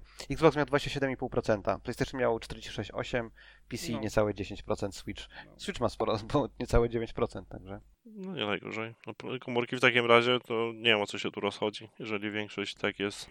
No z nimi To akurat pójść na jest noże, bo najmniej stracą to na revenue by platform. No, Czyli z dupy cała ta dyskusja, dobra. Nie, no, Jak to nas... Zeratul ciągle rozmawiamy o setkach milionów dolarów. Nie pamiętam, wiesz, No to... to- 7, W miliardach 7, to już to jest mieć procentowo. możliwość w przyszłości wsadzenia swojego sklepu własnego na komórki, no to jednak jest dość istotna sprawa. Myślisz, że będziemy mieć jakieś dodatki do podcastu na, na Apple Store? Nie wiem, czy się da w strumieniu audio od, odebrać numeru karty kredytowej. Jak ale zawsze, powta- zawsze fujarki. powtarzam, jesteśmy na sprzedaż. To prawda. Jakiś tam jeszcze był ciekawy news o tym, że Epic płacił Sony. No tam generalnie tak, jest tak. dużo, jest, jest na przykład, y, mo, mogę przejść przez to tak szybko. Cały ten Y, dokument o tym, co Sony wymaga, Epic- żeby crossplay no, mieć Epic- aktywny u siebie, to jest ciekawe. Tam, ja nie wiem, tam chyba jak No, studio decyduje się na crossplay, to musi mieć osobę dedykowaną, żeby te raporty przygotowywać tam dla Oj, Sony po- specjalnie. A to zaraz dojdziemy. Epic zapłacił 146 milionów dolarów za e, ekskluzywność Borderlandsów na, na PC.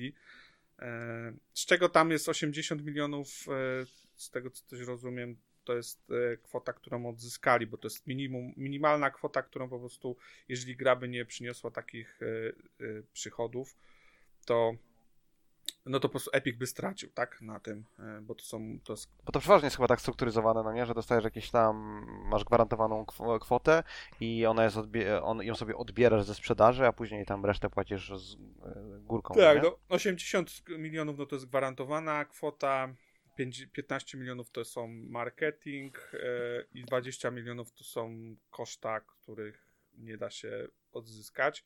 A do tego jeszcze dochodziły e, umowy dotyczące e, Borderland, e, tego Handsome Collection i cywilizacji. Tak, to kolejne tam kilkanaście, kilkadziesiąt milionów dolarów do 31 dokładnie milionów do, doszło, więc sumarycznie ta umowa była na kwotę 146 milionów dolarów. Się bawią.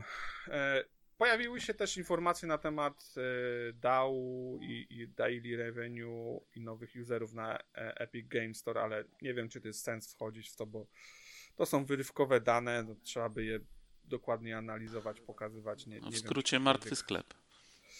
no, w, w skrócie tak. No, w- generalnie nie. Ostatnio już o tym mówiliśmy, też, też, dostaliśmy zjebkę. No, generalnie nie, nie, nie wygląda zbyt wesoło, bym powiedział. E, zobaczymy. Epic mówi, że za 3-4 lata e, wyjdą na, na prostą. Zobaczymy. Znaczy wiesz, bo to, to, to jest kwestia inercji, no nie? Jest masa ludzi, którzy są lojalni wobec Steama, modlą się do, do yy, gabinatora i uwielbiają Steama i na żadnej innej platformie nie chcą kupować rzeczy, więc tak jakby zbicie tego monopolu to jest y, ciężka sprawa i to jest troszeczkę za późno, żeby wchodzić, mi się wydaje. Znaczy za późno, nigdy nie jest za późno, nie? A to jest późne wejście i to będzie wymagało masy, masy pieniędzy. To nie jest tak, że Steam, wiesz, yy, że ludzie lubią Steama, bo, bo nie ma za co lubić. Ma, już rozmawialiśmy o tym, ma konkretne rzeczy, których nie ma konkurencja, więc nie wiem, tak, no, 14-letnie anime. nie wiem. Tak. Raczej nie, nie o tym mówię. Nie, ale wydaje, wydaje mi się, że mimo wszystko y, tak by nie doceniamy y, mocy prawdziwych game, tam gatekeepujących y, graczy, którzy uważają, że Steam jest jedynym sposobem na granie. Jasne, tylko że to, to jest. Zakładam, że to jest jakiś mały procent, tak? To zazwyczaj w tego typu wypadkach to nie są rzesze ludzi, to nie są miliony czy dziesiątki milionów yy, graczy. Ale zobaczymy. No, problem jest taki, że nie, nie ma e, absolutnie nic, e, żadnej, żadnego, nie wiem, kurczę, po co, po co ludzie mają używać Epic Games Store, tak? E, zakład, szczerze powiedziawszy, pewnie wiele osób chętniej by kupiło taniej grę na e, Epic Games Store e, i to by ich skłoniło do tego, niż, niż e, kupo, wykupywaliby ekskluzywność w tym, tym, tym sklepie, tudzież dawali jakieś pojedyncze e, darmowe gry. Ale przechodząc Czyli co, tego, robimy w takim razie, robimy Epic, Epic Fail Store, robimy w takim razie? E, e, Generalnie z takich tematów wyciekła też lista i koszty darmowych gier, które pojawiały się na Epic Store przez pierwsze 9 miesięcy jego funkcjonowania i szczerze powiedziawszy powiedziałbym, że spodziewałem się wyższych kosztów takiej wykupu takiej gry, bo e, A masz tą listę przed sobą? Bo ja tak, no nie widziałem, wiem, Rime na przykład kosztował 45 tysięcy dolarów. Yy, Overcooked kosztował 225 tysięcy dolarów. This War of Mine kosztował 250 tysięcy dolarów. Alan Wake 150 tysięcy e, dolarów. Są droższe pozycje, na przykład Mutant Year Zero kosztował milion dolarów. Batna, Batman Arkham kosztował pół, półtora miliona dolarów. Eee, ale znowu na przykład Lego Batman kosztował już 300 tysięcy e, dolarów. Celest kosztował 750 tysięcy dolarów. Ale to w- znaczna część z tych rzeczy to są albo indyki, albo gry stare, nie? Generalnie tak, no, no na Epic Games Store nie do- dostawałeś nowych gier. No Mutant Year Zero chyba... GTA było, prawda? Jest GTA No może? Tak, ale wiesz co, to chyba później było, mówię, na tej liście nie ma, więc ciężko powiedzieć ile zapłacili za to. E, Subnautica kosztował mi, milion 400 tysięcy, to chyba też była jedna z nowych gier, kiedy wtedy e, wychodziła. No, generalnie bym powiedział, że nie wiem, większość nie, e, mówię, tych kwot nie powala e, i to, ja to szczególnie patrzę w odniesieniu na przykład do takiego Game Passa, bo jeżeli Epic takie koszty ponosił i to w przypadku gier, które masz już na własność, to ja się zastanawiam, ile Microsoft płaci za, mm, za Game Passa. Ale bo- to jest, żebym, żebym zrozumiał, to są pieniążki, które Epic zapłacił komuś, żeby na PC tylko tutaj ukazała się Nie, gra, tak? to jest zapłacił za to, żeby darmowa gra. To są, to są darmowe gry. A, to które... te darmowe gierki. Po, powiedzmy okej, jak, okej. jak Games with Gold, tak? Można się spodziewać, że to bardziej Tak, okej, Games with Gold czy PlayStation Plus mają takie koszty niż, Mhm. niż akurat. Game Pass. Ale to koszty gry. eksów- eksów. Słucham? To są też czasowe gry, to nie jest tak, że oni na stałe mają te gry za darmo. No nie, no one tylko- są, one były przez tydzień czy dwa, no jasne. Ale, ale zgadzam się, że to nie jest duża kasa. 200 tysięcy dolarów to jest dwóch ziomków y, przez rok możesz utrzymać, no nie? Jakby to nie jest, y, to nie jest tam Bóg wie jaka, jakie pieniądze. Wiesz, bo, bo nawet patrząc przy, teoretycznie, jak wiesz, tak prostą matematykę zrobisz, to Microsoft na Game Passie w tym momencie pewnie przychodu ma z 300 milionów dolarów miesięcznie. Tak, pi no razy ma, dwie tak, oczywiście. tak, tak, tak, tak. Więc patrząc na to, to nawet jeżeli e, miesięcznie na, e, na Game Passie się pojawia powiedzmy ile tych gier? 10 nowych gier, tak wymienia się. E, nawet gdybyś na, na każdą z nich wydawał 10 milionów dolarów, to, to generalnie ciągle jest, masz 30% wydałeś tylko kasy. tak. No nie, no ale, ale to nie możesz tak powiedzieć. Jednak e, Epic w większości, tak jak Ryan powiedział, albo indyki, albo, mm, To albo nie rzeczy jest tak, że, za, że stare. na Game no. Passie się pojawiają tylko i wyłącznie e, gry AAA, bo większość Prawda. to są gry stare, większość to są gry e, indyki, co nie znaczy, że to zła usługa. Albo ich własne. Złe, No, czy znaczy, z- nie wierzę, z- nie wierzę, żeby Outriders było kwestią 200 tysięcy dolarów czy miliona. Nie, jasne, że nie. To oczywiście, że są. e, Zakładam, że na przykład Square Enix, jak tam wejść za Finala sobie liczył, to sobie liczył więcej, ale pytanie, ile więcej, tak? Czy to jest na, na poziomie. No ale wiesz, jest, jest final i final. Mówimy o tym, wiesz, w tym miesiącu wjadą na przykład dziesiątka i 10-2 gry, które no, są w tej gigantycznej grupie, że jak ktoś chciał je kupić, to już je pewnie kupił. I ciężko to porównać z grami, które są, wjeżdżają, mają premierę w Game Passie. No nie wiem, no dajmy na to kurczę Dragon Quest 11. Był w, w grudniu zeszłego roku i to, to był świeżynka, tak? Na, na to była Premierowy świeżynka? tytuł był. Tak, Tak. premier. Wychodził równo z premierą. Ja powiem tak, że był kiedyś taki program, nazywał się Pack Attack na Game Trailers, chyba z 6 lat temu. O, uczcimy minutą ciszy y, ten gametrailers.com. I, I on bardzo. On tam w sumie, z tego co pamiętam, mówił procentowo, je, jakie to są koszta, które zazwyczaj się negocjuje.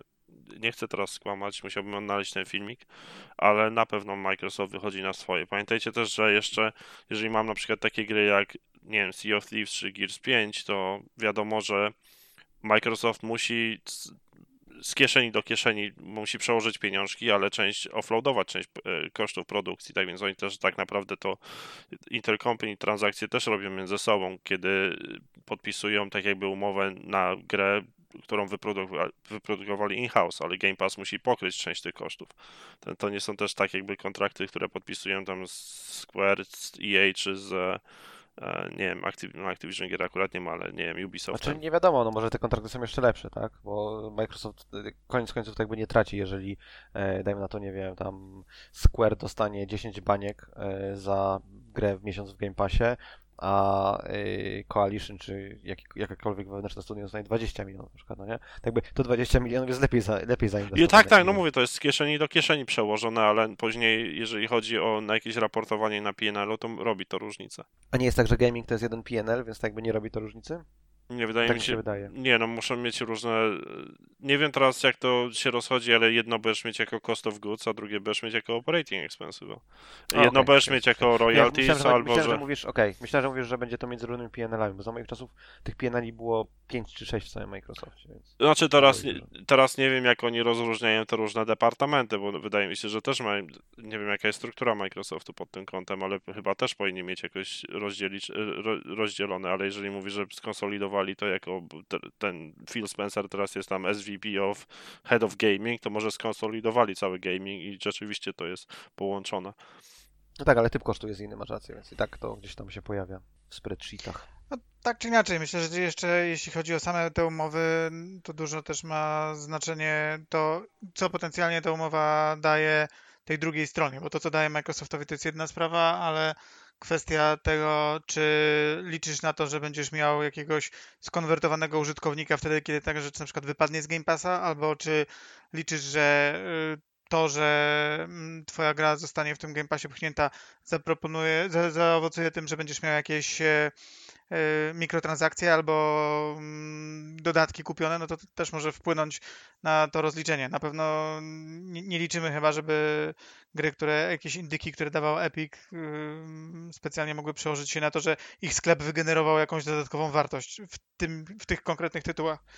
Ale należy też pamiętać, mi się wydaje, że y, Epic nie ma tak jakby żadnej innej wartości dodanej, no nie? Bo Epic, sklep Epica jest na tyle ubogi, e, jeżeli chodzi o tam feature set, że nie mają możliwości promowania. W przypadku takim, nie wiem, tam Steama czy w przypadku Xboxa, Microsoft może zaoferować szereg, e, e, te wsparcie w szeregu tam akcji promocyjnych, no nie? Twoja gra może być gdzieś tam featureowana, może się jakiś, nie wiem, tam pop-up pojawić na, na, na Steamie, mogą gdzieś pokazać podczas jakiejś swojej konferencji albo jakiegoś innego e, dynksa tego typu. Epic nie ma tych możliwości, więc jedyne co tak naprawdę Epic może zaoferować to pieniążki.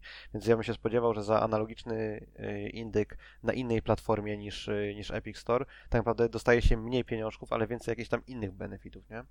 Epic No proponował Sony, że zrobi z nich bohaterów w jednym z Tak, e-maili. no to z, zaraz do tego dojdziemy, kończąc tą kwestię tego, tych darmowych gier.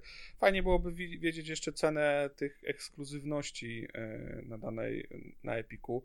To dałoby Mhm. nam mm, pełen obraz tego, ale tutaj są też, bo oni to przeliczają e, na ilość e, utworzonych nowych kont i, i oczywiście u- user acquisition, koszty pozyskania nowego użytkownika. I generalnie ekspertem nie jestem, jeżeli chodzi o, o, rynek premium, ale koszt pozyskania użytkownika jest stosunkowo niski, e, jeżeli chodzi o, o te gry. E, więc, no nie wiem, spodziewałem się wyższych cen, tak? Spodziewałem się wyższych wartości, jeżeli chodzi o, o, o ten wykup. No, mo, może. e, A jaki jest tak z Twojego doświadczenia przeciętna gra, która się po prostu utrzymuje na mobilkach? Jaki jest koszt akwizycji jednego tam To, płacącego wiesz co, gracza? bo co tutaj jest ważne jeszcze do powiedzenia, to jest blend, to co oni podali. Nie ma tutaj rozgraniczenia skąd e, pochodzą ci użytkownicy, a to ma e, a to ma bardzo ważne, duże znaczenie, tak? Bo jeżeli to jest koszt uzyskania, koszt, po- powiedzmy, nie wiem, tutaj tak, nie wiem, powiedzmy 2 dolary, nie wiem, 3 dolary jest koszt uzysk- pozyskania tego. Średni koszt e, z tych 9 miesięcy uzyskania nowego użytkownika to był 2 dolary 37 centów. Jeżeli byś powiedział, że to na przykład jest e, na rynku jakimś wschodnim, tak, nie wiem, e, Polska, Ukraina, Rosja, e, to to jest to sta standardowe, tak? Powiedzmy, inny koszt jest e, na takim rynku niż w Stanach Zjednoczonych.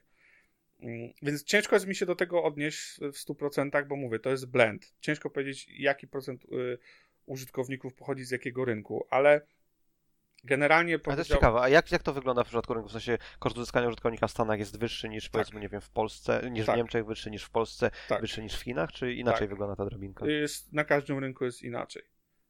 E, No tak, tak, i- i tak, to ale są- gdzie jest drożej, gdzie jest taniej, to mnie ciekawi. E, Nie no, y, tak zwane rynki tier 1, czyli Stany Zjednoczone, nie wiem, Kanada, e, Niemcy, tak, to, to są, e, to koszt uzyskania użytkownika jest dużo, dużo wyższy i może sięgać, e, nie wiem, kilku nastu nawet dolarów, tak, nie wiem, powiedzmy e, standardowo gdzieś tak to jest 6 dolarów, 7 dolarów e, na takich rynkach tier 1.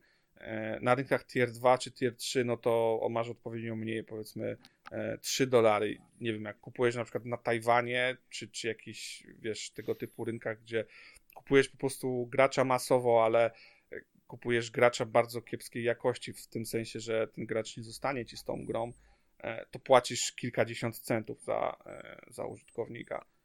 Co dyktuje cenę? Czy jest to kwestia marketingu, czy dostępu? Tak naprawdę masz tak jakby balans dostępności do platform, który W zależności od platformy, bo to jest, to jest ciężkie pytanie, bo e, możesz kupować na Facebooku, możesz kupować na Google, są też e, firmy, które się specjalizują e, w akwizycji. Unity ma swój kanał osobny e, akwizycji użytkowników. E, są, są firmy takie jak, no je- jest ich paręnaście, tak? I każda ma dostęp do innej sieci reklamowej. I to też się zmienia, tak? W sensie może być na przykład miesiąc taki, że na Facebooku w jakimś miejscu będziesz mógł kupować taniej ruch, a, a potem na przykład będzie ci go trudniej kupić. Bardzo duży wpływ na koszt akwizycji ruchów ma e, to, co się dzieje u konkurencji. Na przykład, nie wiem, w, w tym momencie konkurencja przeprowadza kampanie, reklamują i pozyskują użytkowników po prostu w absurdalnej ilości i na przykład koszt z kilku dolarów, kilku dolarów e, uzyskania, e, pozyskania użytkownika wzrósł do 30-40 dolarów.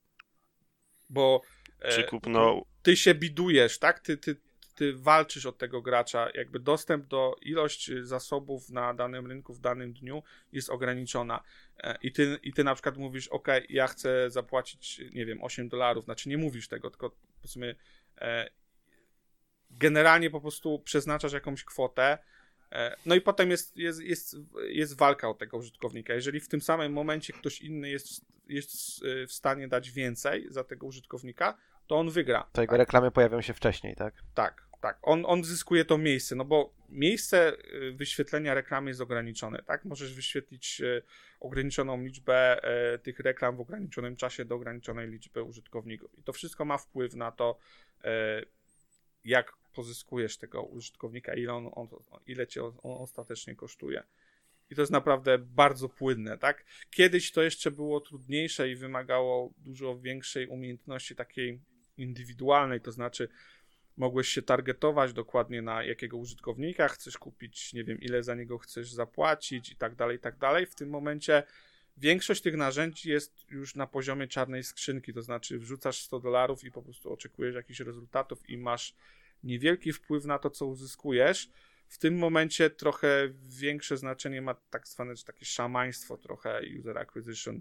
E, wszystko, co robisz wokół tego, jakieś próby stworzenia synergii, e, rozmowy wewnętrzne z tymi operatorami, jest to dużo trudniej, jest to e, dużo trudniej skontrolować, co kupujesz i, i, i, co uzyskujesz, tak? Jakby to jest z perspektywy tych kanałów jest to lepsze, bo oni się po prostu nie martwią o to, oni dostają tylko kasę od ciebie, tak? Nie wiem, Facebook, Google po prostu. Rezultaty nie są, nie są ich problemem. Tak, tak. W tak. złym momencie złą kwotę na zły Tak. market, na Tak, złym rynku przeznaczyłeś. jest dużo, dużo trudniej jest w tym momencie mm, kupować ruch, tak? Szczególnie jeżeli naprawdę nie, nie masz jakiegoś absolutnie IP rozpoznawalnego i nie masz pierdyliarda dolarów w, w to, żeby wrzucić w akwizycję. To, co się dzieje, wiesz, na rynku mobilnym, jeżeli chodzi o, o, o wydawanie kasy na, na akwizycję i wiesz, tam jakie kwoty są bidowane, gracze kupowani, to jest, to jest absurd, tak? No, z niektórymi, no tak jakbyś, wiesz, Mo- może już czas porzucić mobilki i przejść na PC-ta. no, wiesz, Przecież tam też PC się ma podobno skończyło, nie? Swoje, swoje, jakby PC ma swoje problemy, tak? Jakby visibility na Steamie czy gdziekolwiek indziej też. Dlaczego ktoś ma kupić twoją grę, tak? I jak spowodować, że ktoś kupi twoją grę? To jest. Jakieś 200 tytułów Zrobić dobrą grę, Steamie, to nie wystarczy. Ach, Tak. Nie, nie, nie, nie. nie. Czy, czy, czy, taniej, czy taniej kupić od korporacji jak Facebook, czy od instytucji rządowych jak NSA? E, ale Zależy co chcesz kupić. Jeżeli chcesz kupić duszę, to NSA, a jeżeli chcesz kupić ludzi, no to Facebook. NSA nie sprzedaje ludzi. No, duszę, O. duszę sprzedam. Najtaniej kupić ludzi od y, ICE. Najtaniej To jest, no, wishlisty na Steamie pewnie. No nic, możemy chyba przejść dalej. No, myślę, że no. Myślę, że tak. Sony zainwestowało w Discorda, było tyle szumnych y, tam przecieków, że niby Microsoft zamierza kupić Discorda, Discord chce się sprzedać, Discord stwierdził, a jednak nie, jednak tam, prawda, IPO będzie zajebiście i przy okazji Sony zainwestowało w nich i będą integrować Discorda z PlayStation, więc ja mam wrażenie, że to cała dysku, te całe tam wycieki na temat tego, że Microsoft chce- chce ich kupić, to był tylko leverage, żeby lepszą kasę dostać od Sony. Możliwe. No ciekawe, czy na Xboxie integracja by będzie też, czy to jakoś ekskluzywne będzie, czy to po prostu Sony na razie to ogłosiło, bo mają partnerstwo i tyle, a Xbox też dostanie z czasem. Bo w sumie, No to nie jest tak, że Łączenie po prostu jest kont- API i możesz je oprogramować i tyle? a no Myślałem, nie że wiem, tak no łączenie kont już od dawna jest z Discordem, ale na tym się skończyło, nigdy to dalej niestety nie poszło, a przydałoby się jednak, żeby było coś więcej. Zobaczymy jak to na PlayStation im wyjdzie. To dopiero jednak początek przyszłego roku, więc trochę czasu jest. No szkoda. jak to wpływa. Ja się zastanawiam, jak to wpływa na ten, na tak jakby y, family friendliness platformy, tak? No bo oddajesz, jeżeli tam, nie wiem, możliwość komunikowania się z, z, przez Discorda staje się częścią twojej platformy, czy jest w jakiś sposób wyeksponowana na twojej platformie, to tak jakby też ponosi częściowo odpowiedzialność za moderację treści, nie? No, to, to, co się dzieje na Discordzie, to były przecież afery z jakimiś graczami Destiny, Marcin, nie wiem, czy czytałeś kiedyś. E, I, I naprawdę, jeżeli Sony Nie, wzięły Marcin nigdy nie czytał. nadzór, nadzór na to, o, Marcin pewno inicjuje, Ja, ja nie czytam, A- ja na YouTubie oglądałem pewnie. e, to no ciekawe właśnie, jak właśnie jak to się zmieni. Ta moderacja, ciekawy temat poruszyłeś. Bo tutaj. klasykiem, klasykiem przecież jest to, że masz jakiś tam, wiesz, Discord poświęcony, nie wiem, Quake'owi i jak wpiszesz specjalną komendę, dostajesz dostęp do tam, nie wiem, kanału, gdzie ludzie wrzucają gołe anime. To jest Do Dark Weba. absolutny standard. No masz przecież, to nawet u mnie na Discordzie pod, podpięli jakiegoś bota, który właśnie to robi. Wrzuca gołe anime. Mają osobny kanał i sobie wrzucają co chwilę jakieś tam. To jest, tych botów na. Discordzie jest trochę. Um, na przykład jeden, z którym, z którym się bawię jest waifu bot, w którym e, tworzysz swój harem, ale nie ma tam pornografii. E, Jest po prostu różne laski anim są. Tak więc tych botów jest dużo. Nie, nie, nie mówiąc o przydatnych, takich jak na przykład boty do Destiny, które są moim zdaniem fantastyczne.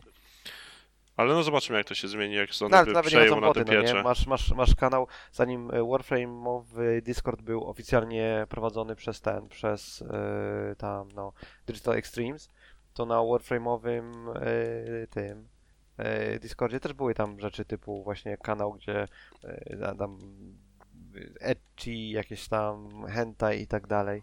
Jak wejdziesz, jak jesteś członkiem jakiegokolwiek klanu, to jest niemalże gwarancja do tego, że będziesz miał jakieś kudę rozbieraną Nyx na przykład na jakimś kanale albo jakieś inne tego typu rzeczy. No ale z drugiej strony na PlayStation przecież byli ci streamerzy, którzy tam, nie wiem, czy seks uprawiali, czy, czy striptease był, były jakieś takie akcje. Były, jak, były, jak... były, jak była ta Nie integracja. no, zawsze z tylko to jest kwestia tego, Też chyba Justin że- TV było, pamiętam. Było, A, było. okej. Tylko, że no, nadal, jeżeli to jest w jakiś sposób promujesz i staje się to elementem twojej platformy, to to jest problem. Jeżeli masz po prostu apkę, na której czasami ktoś coś takiego zrobił, albo masz, nie wiem, metodę komunikacji i ktoś czasami wyśle zdjęcie penisa, to No, troszkę inna bajka. no Sony już nie przejmuje się, wiesz, e, ochroną najmłodszych, jak to było w przypadku cross, crossplaya. To już...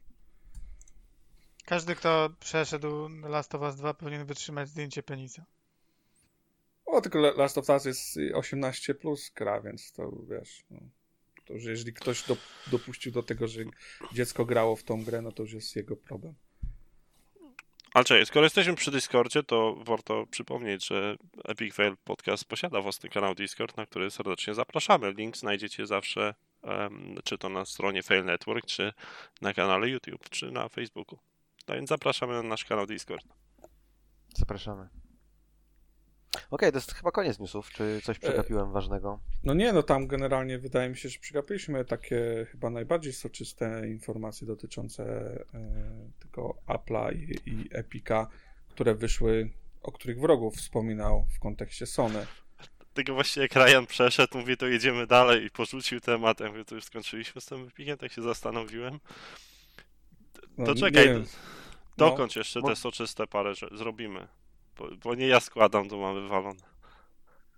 Bo jeszcze musimy, od, przepraszam, ale jest trailer nowego sezonu w Destiny, więc tu potrzebujemy parę minut. Dobrze, dobrze. Ale o co ci chodzi? Chodzi ci o to, że Epic płaci Sony y, pieniążki, które zarabiają gdzie indziej? Tak, no generalnie tak. No tam jeszcze było maile, w których y, tam So- Sony wprost mówi, że Wrogu, chciałbyś coś o tym opowiedzieć w takim razie? Gra w Destiny, teraz tym przeszkadzacie. właśnie, właśnie. Okej, w skrócie w takim razie wyglądało to tak, że Sony oferowało, sorry, Ep- y, Epic oferował kilka różnych rzeczy Sony yy, w kontekście crossplaya, typu tam lepsza promocja, zrobimy z was heroes, good guys i tak dalej, i tak dalej. I Sony, silnik Sony i też im taka, że jakby no, nowe umowy dotyczącą Tak, tak, tak. silnika. to nasz sklep, my decydujemy, do widzenia. I koniec końców efekt jest taki, że za pomocą jakiegoś skomplikowanego algorytmu procent tego tamtego skrzek żaby skrzydło nietoperza e, Epic jest liczone ile Epic musi oddać e, Sony e, z pieniędzy, które zarobili poza platformą PlayStation na graczach, którzy grają głównie na PlayStation. Tak to się w skrócie. Tak, no, pewnie z biznesowego punktu widzenia zajebiste, ale z perspektywy y, firmy, która wiesz, for the players i y, nie chcemy crossplaya, bo, bo dbamy o najmłodszych, jest to Ech, Jest, są jeszcze jakieś inne gry, które, które nie są grami Sony i mają crossplay na PlayStation? mm, tak, jest Minecraft ich trochę. PUBG. Jest ich Czyli- trochę, nie wiem szczerze dokładnie, ale nie pamiętam tak z... z y, mm, Warzone Bo jest. Bo to też jest problem kwe, y, mikrotransakcji, no nie? Ale, no tak, ale w Warzone nie masz, y, nie masz możliwości transferu pieniędzy i transferu kont między platformami, za wyjątkiem jakiegoś tam krótkiego okna przy starcie na danej platformie y, gry, nie? Tak, tak, no to jest na, na pewno największy problem, ale no, mówię, szczególnie Fortnite, biorąc... Fortnite, Minecraft, Rocket League, Apex Legends, Warzone, mm, PUBG, Street Fighter, ale to tylko z PC-tem, Dauntless, Black Ops? NMS, Wargroove. No, Ale to no mówisz o jest- jest crossplayu, ale sporo. też... y, Ale to... to To kluczowe jest, czy masz możliwość tam transferu y, belongings albo pieniążków między A platformami. to ma nie? Znaczenie? wszystkich- Się wydaje, że belongings transferujesz tak czy inaczej, jak blokujesz skórkę w jednej grze, Tak, to no mamy dostępną skórkę, wszędzie. a masz wszędzie, tylko to Zależy w której to, grze, gdzie w Warframe pieniądze tak nie było, jak wydajesz, jeszcze grałem. a nie czy możesz Nie, przenieść. ja mówię Warzone, nie Warframe.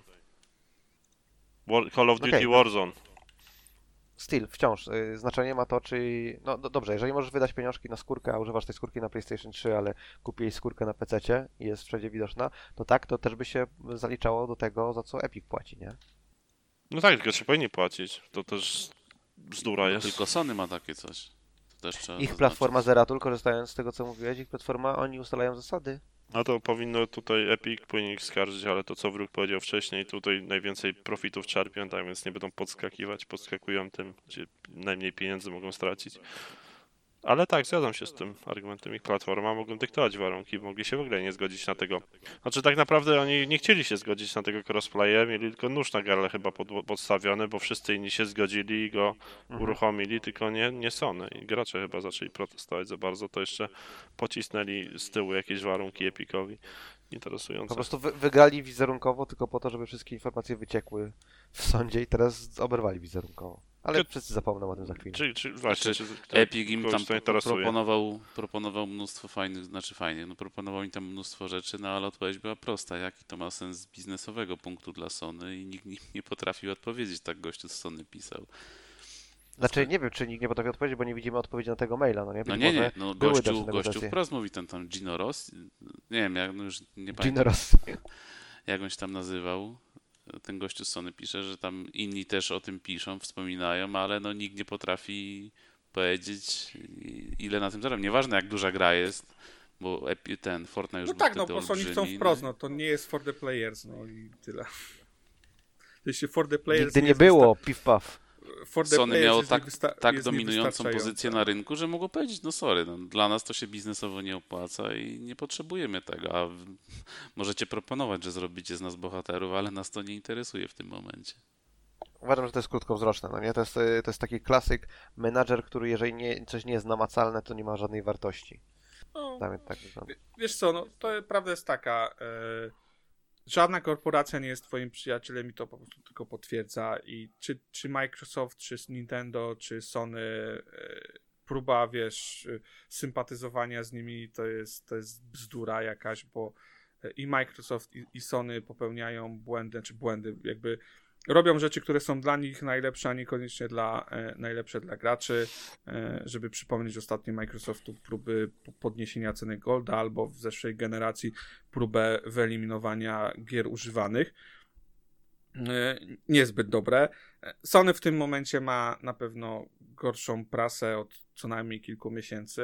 Ym, Gdzieś tam to nie są duże rzeczy, ale generalnie pokazuje po prostu wprost, Myślę, że core tam, core y, Sony customer doesn't, doesn't care. Jasne, No, ale nadal w- też mogą to olewać, no bo co, konsole i tak się sprzedają i najlepiej sprzedającą Jasne, się tak samo mają. jak wiesz, konsole Microsoftu się sprzedają pomimo braku ekskluzywnych gier na razie. Tak, może tylko wiesz, tego typu rzeczy będą No się tak, tylko do, wiesz, Microsoft się momentu. stara, a Sony robi po prostu swoje i ma, ma wszystko gdzieś. Bardziej na tej No, zasadzie. ja bym tak, wiesz, mówię, tutaj na, na piedestał Microsoftu nie, mówię, nie, wynosił. Bo, też, bo wiadomo, że na pierwszym miejscu jest Nintendo. e, ma też swoje za uszami, mówię, bardziej w tym momencie Sony po- raczej po prostu pokazuje, że to, co próbował jakby sprzedawać się i, i mieć taką maskę for the players i w ogóle jakby jesteśmy cudowni, no to za, za zamkniętymi drzwiami zupełnie inaczej to wygląda. No, Nie, no wiadomo. Rzeczywistość no, to, to tak samo. Microsoft, no, tak jak wspomniałeś, no, chcieli No. nagle cenę Golda podnieść, no bo Game Passa chcą pchać, no, no i tyle. No ale ludzie się zbuntowali, jakaś reakcja była.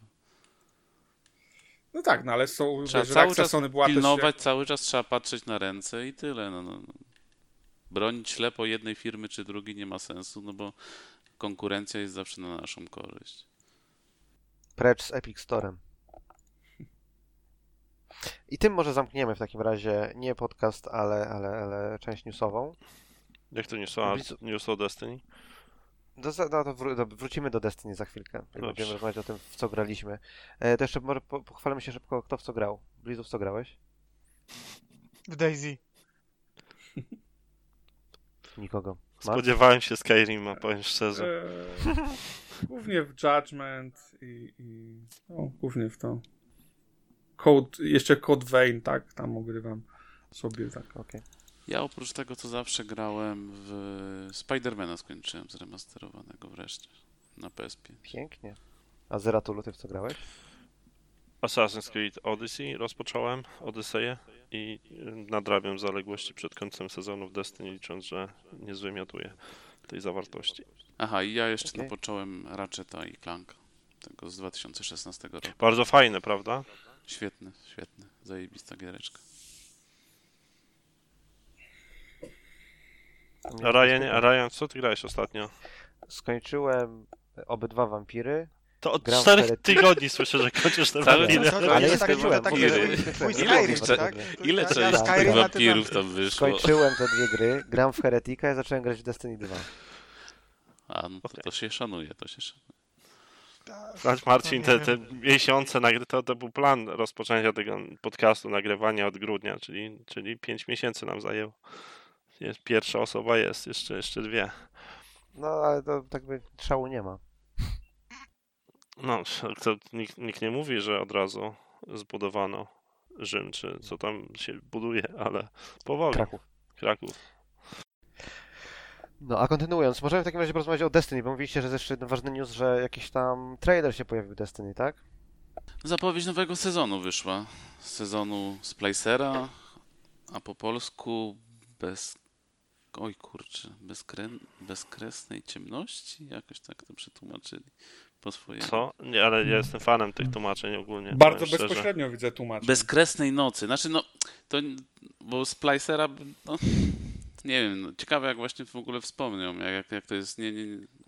Aha, bo to w dwójce Splicerów nigdy nie było, to w sumie pierwszy raz będzie tłumaczone jakoś. No, Splicer to jest e, rodzaj przeciwników, który się pojawił pod koniec jedynki, to jest tam zarażony takim, nazwijmy to wirusem, e, rodzaj przeciwników. No a tutaj znowu tłumaczenie polskie z sezonu poszło w to, co się ak- faktycznie ma wydarzyć, czyli bezkresna noc jakaś ma zapaść nad miastem. No i tak to użyli w tytule sezonu. Pamiętaj Max, że tłumaczenia są jak kobiety. Piękne nie są wierne, a wierne nie są piękne.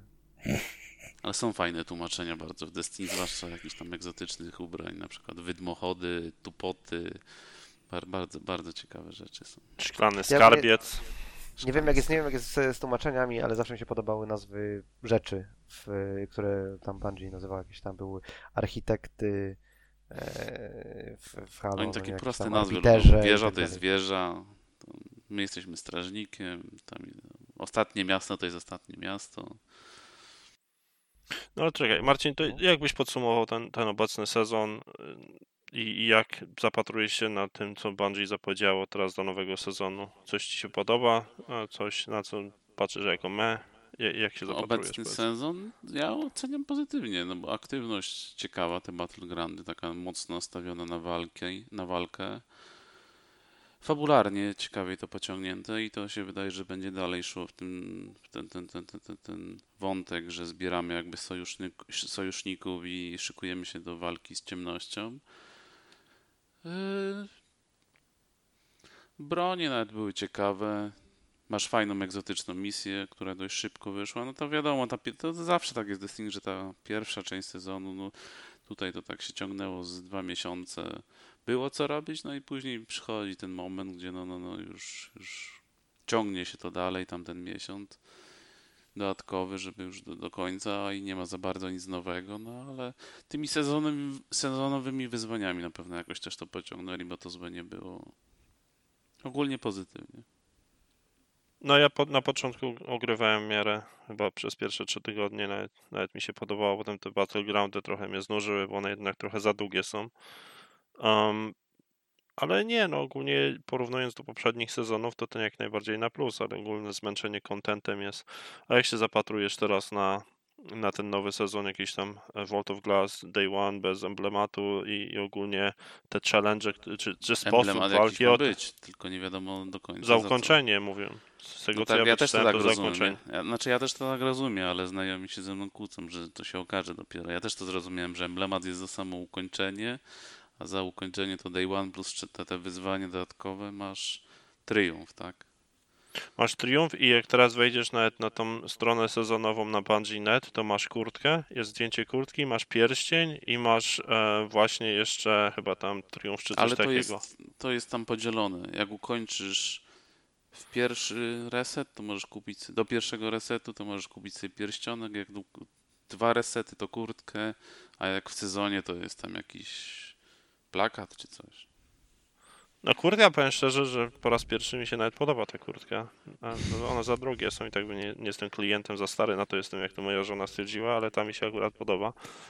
A, aczkolwiek, no nie wiem, ja się tam nie nastawiam na, na, na zabawy w, w Day One, e, bo chyba będę chciał tą Odyseję asasynową kończyć razem z Mass Effectem. Chyba się w tą kieru- stronę skieruję, ale, ale Volta z przyjemnością się zagra, zobaczymy jak go odświeżam i, i co tam ja zmieniam. mam mieszane uczucia. Znaczy, no, ja się wielkich zmian nie spodziewam, nawet oni zresztą mówią.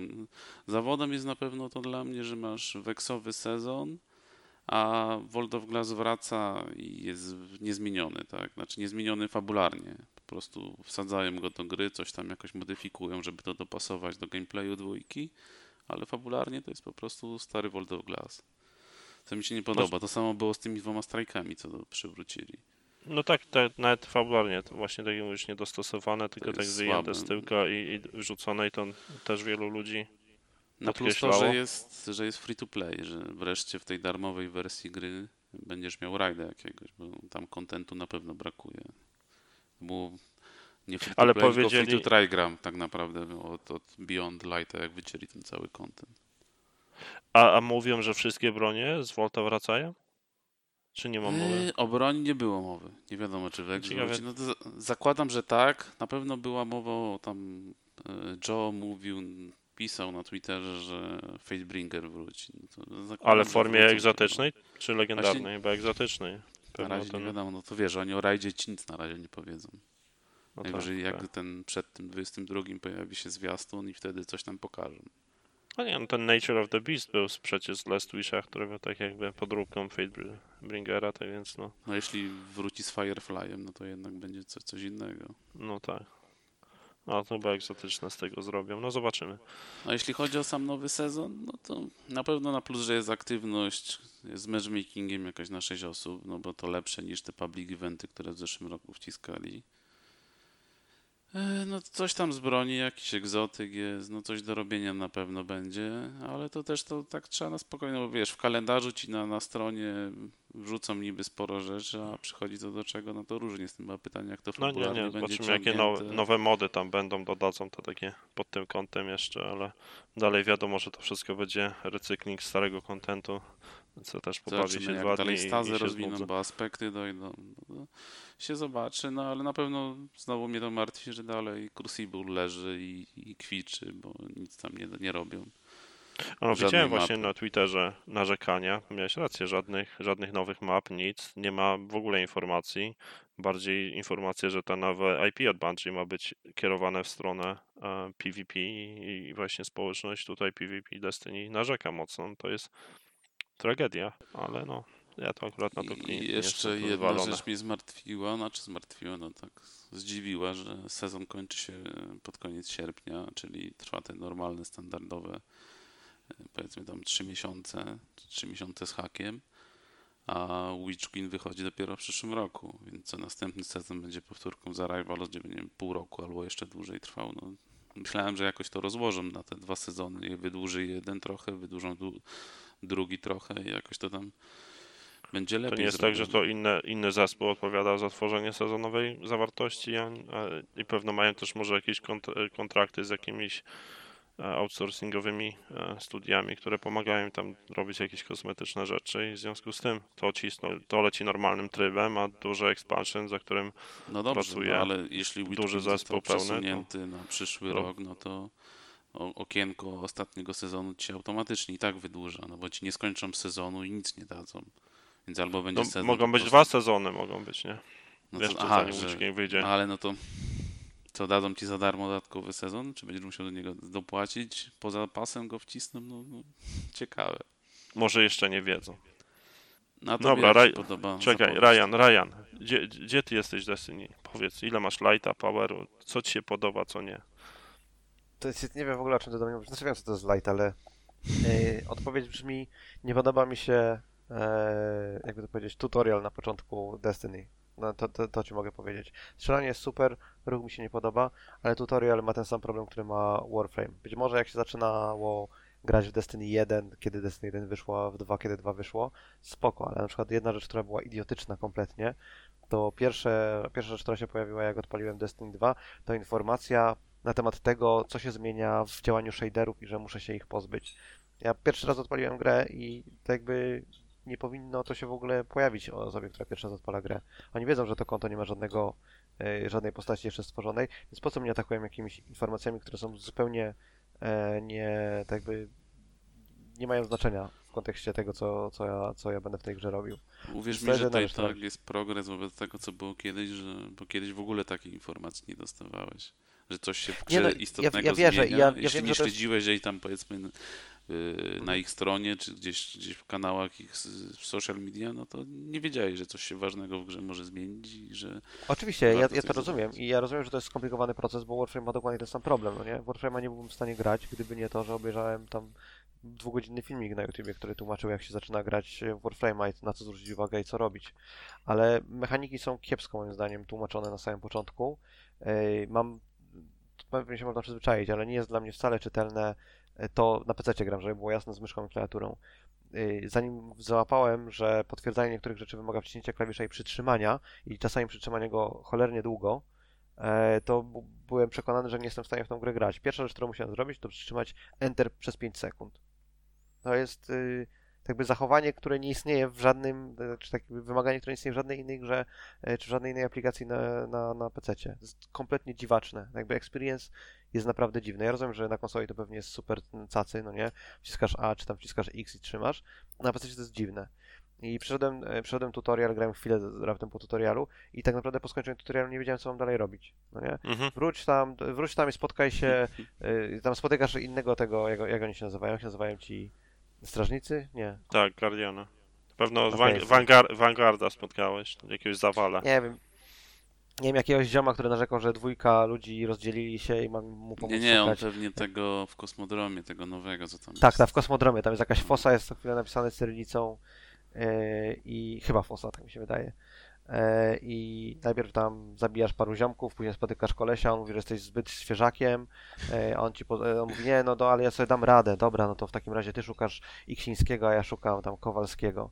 No i idziecie swoją drogę, o, nie działa, nie działa jakieś tam skanowanie przestrzeni, bo jest jakieś radio zagłusza, więc musisz znaleźć jakieś tam trzy klucze, no nie, czy tam trzy, nie wiem, kody, żeby skakować coś tam i iść dalej. No i tak, taka jest, taka jest ta misja. Tak jakby na, na papierze wszystko się wydaje, że jest, że jest ok, ale i każda mechanika, której używasz jest tłumaczona słabo. Na przykład w ogóle nie jest tłumaczony cooldown, no nie?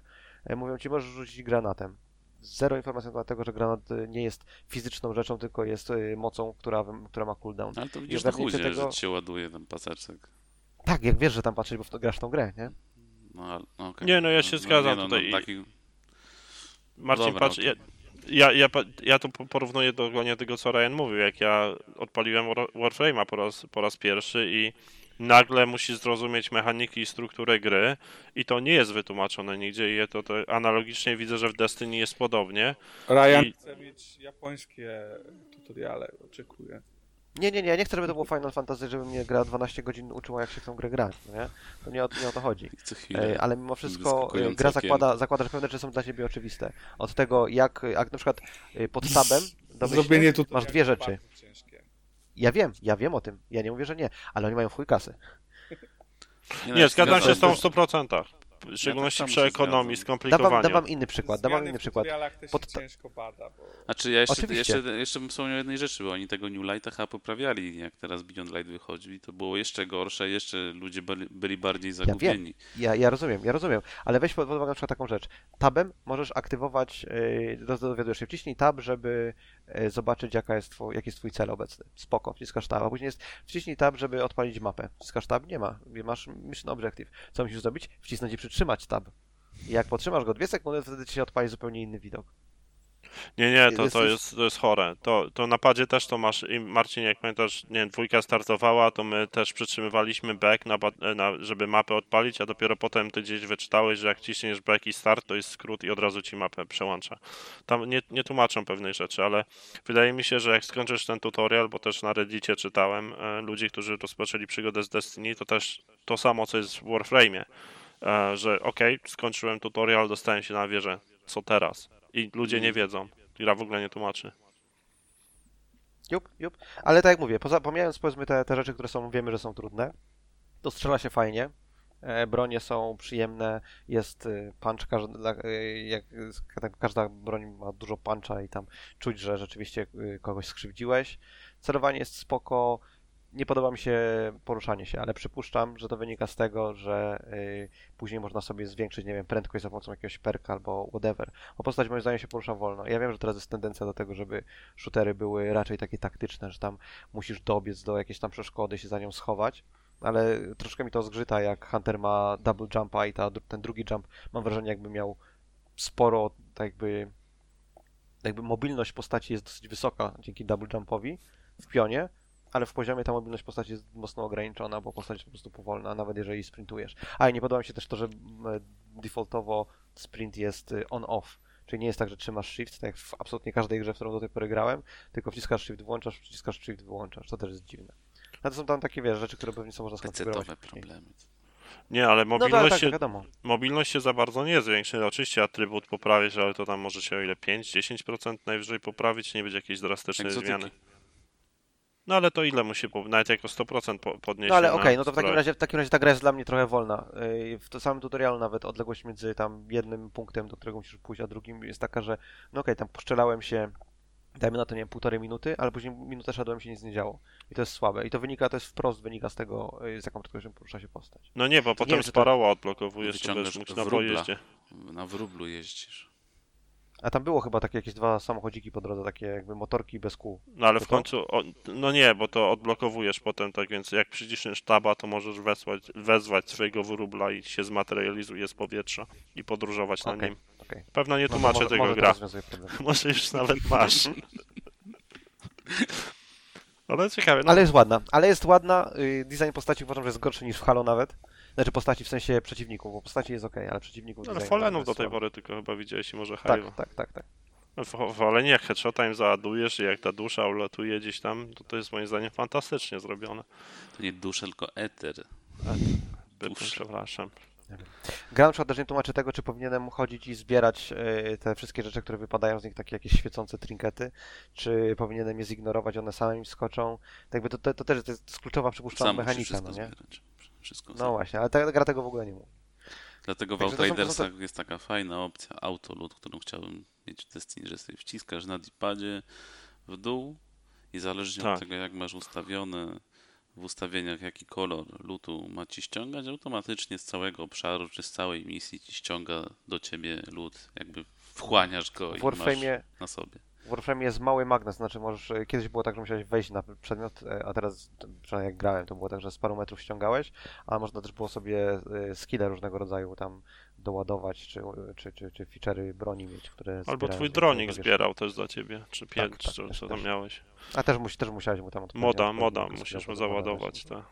Um, Ale ogólnie to tam jeszcze trochę pogram, tylko że no, nie, nie powaliło mnie, ale jest, jest okej. Tak jakby strzelanie jest fajne, tak samo jak fajne było strzelanie w Halo. Do tego się nie można sprzeciwić. Czy wiesz, jedyne co bym powiedział, to moim zdaniem ta gra nie przekona cię tymi początkowymi misjami. To musiał, musiałbyś, ktoś musiał ci by zrobić pokaz tego, na przykład tej misji Presage, a, albo jakiś... Ale ja nie mam, nie mam czasu, żeby, żeby tam, wiesz, y, spędzić 50 godzin z grą, żeby zaczęła być fajna. Ale nie, bo akurat- gry.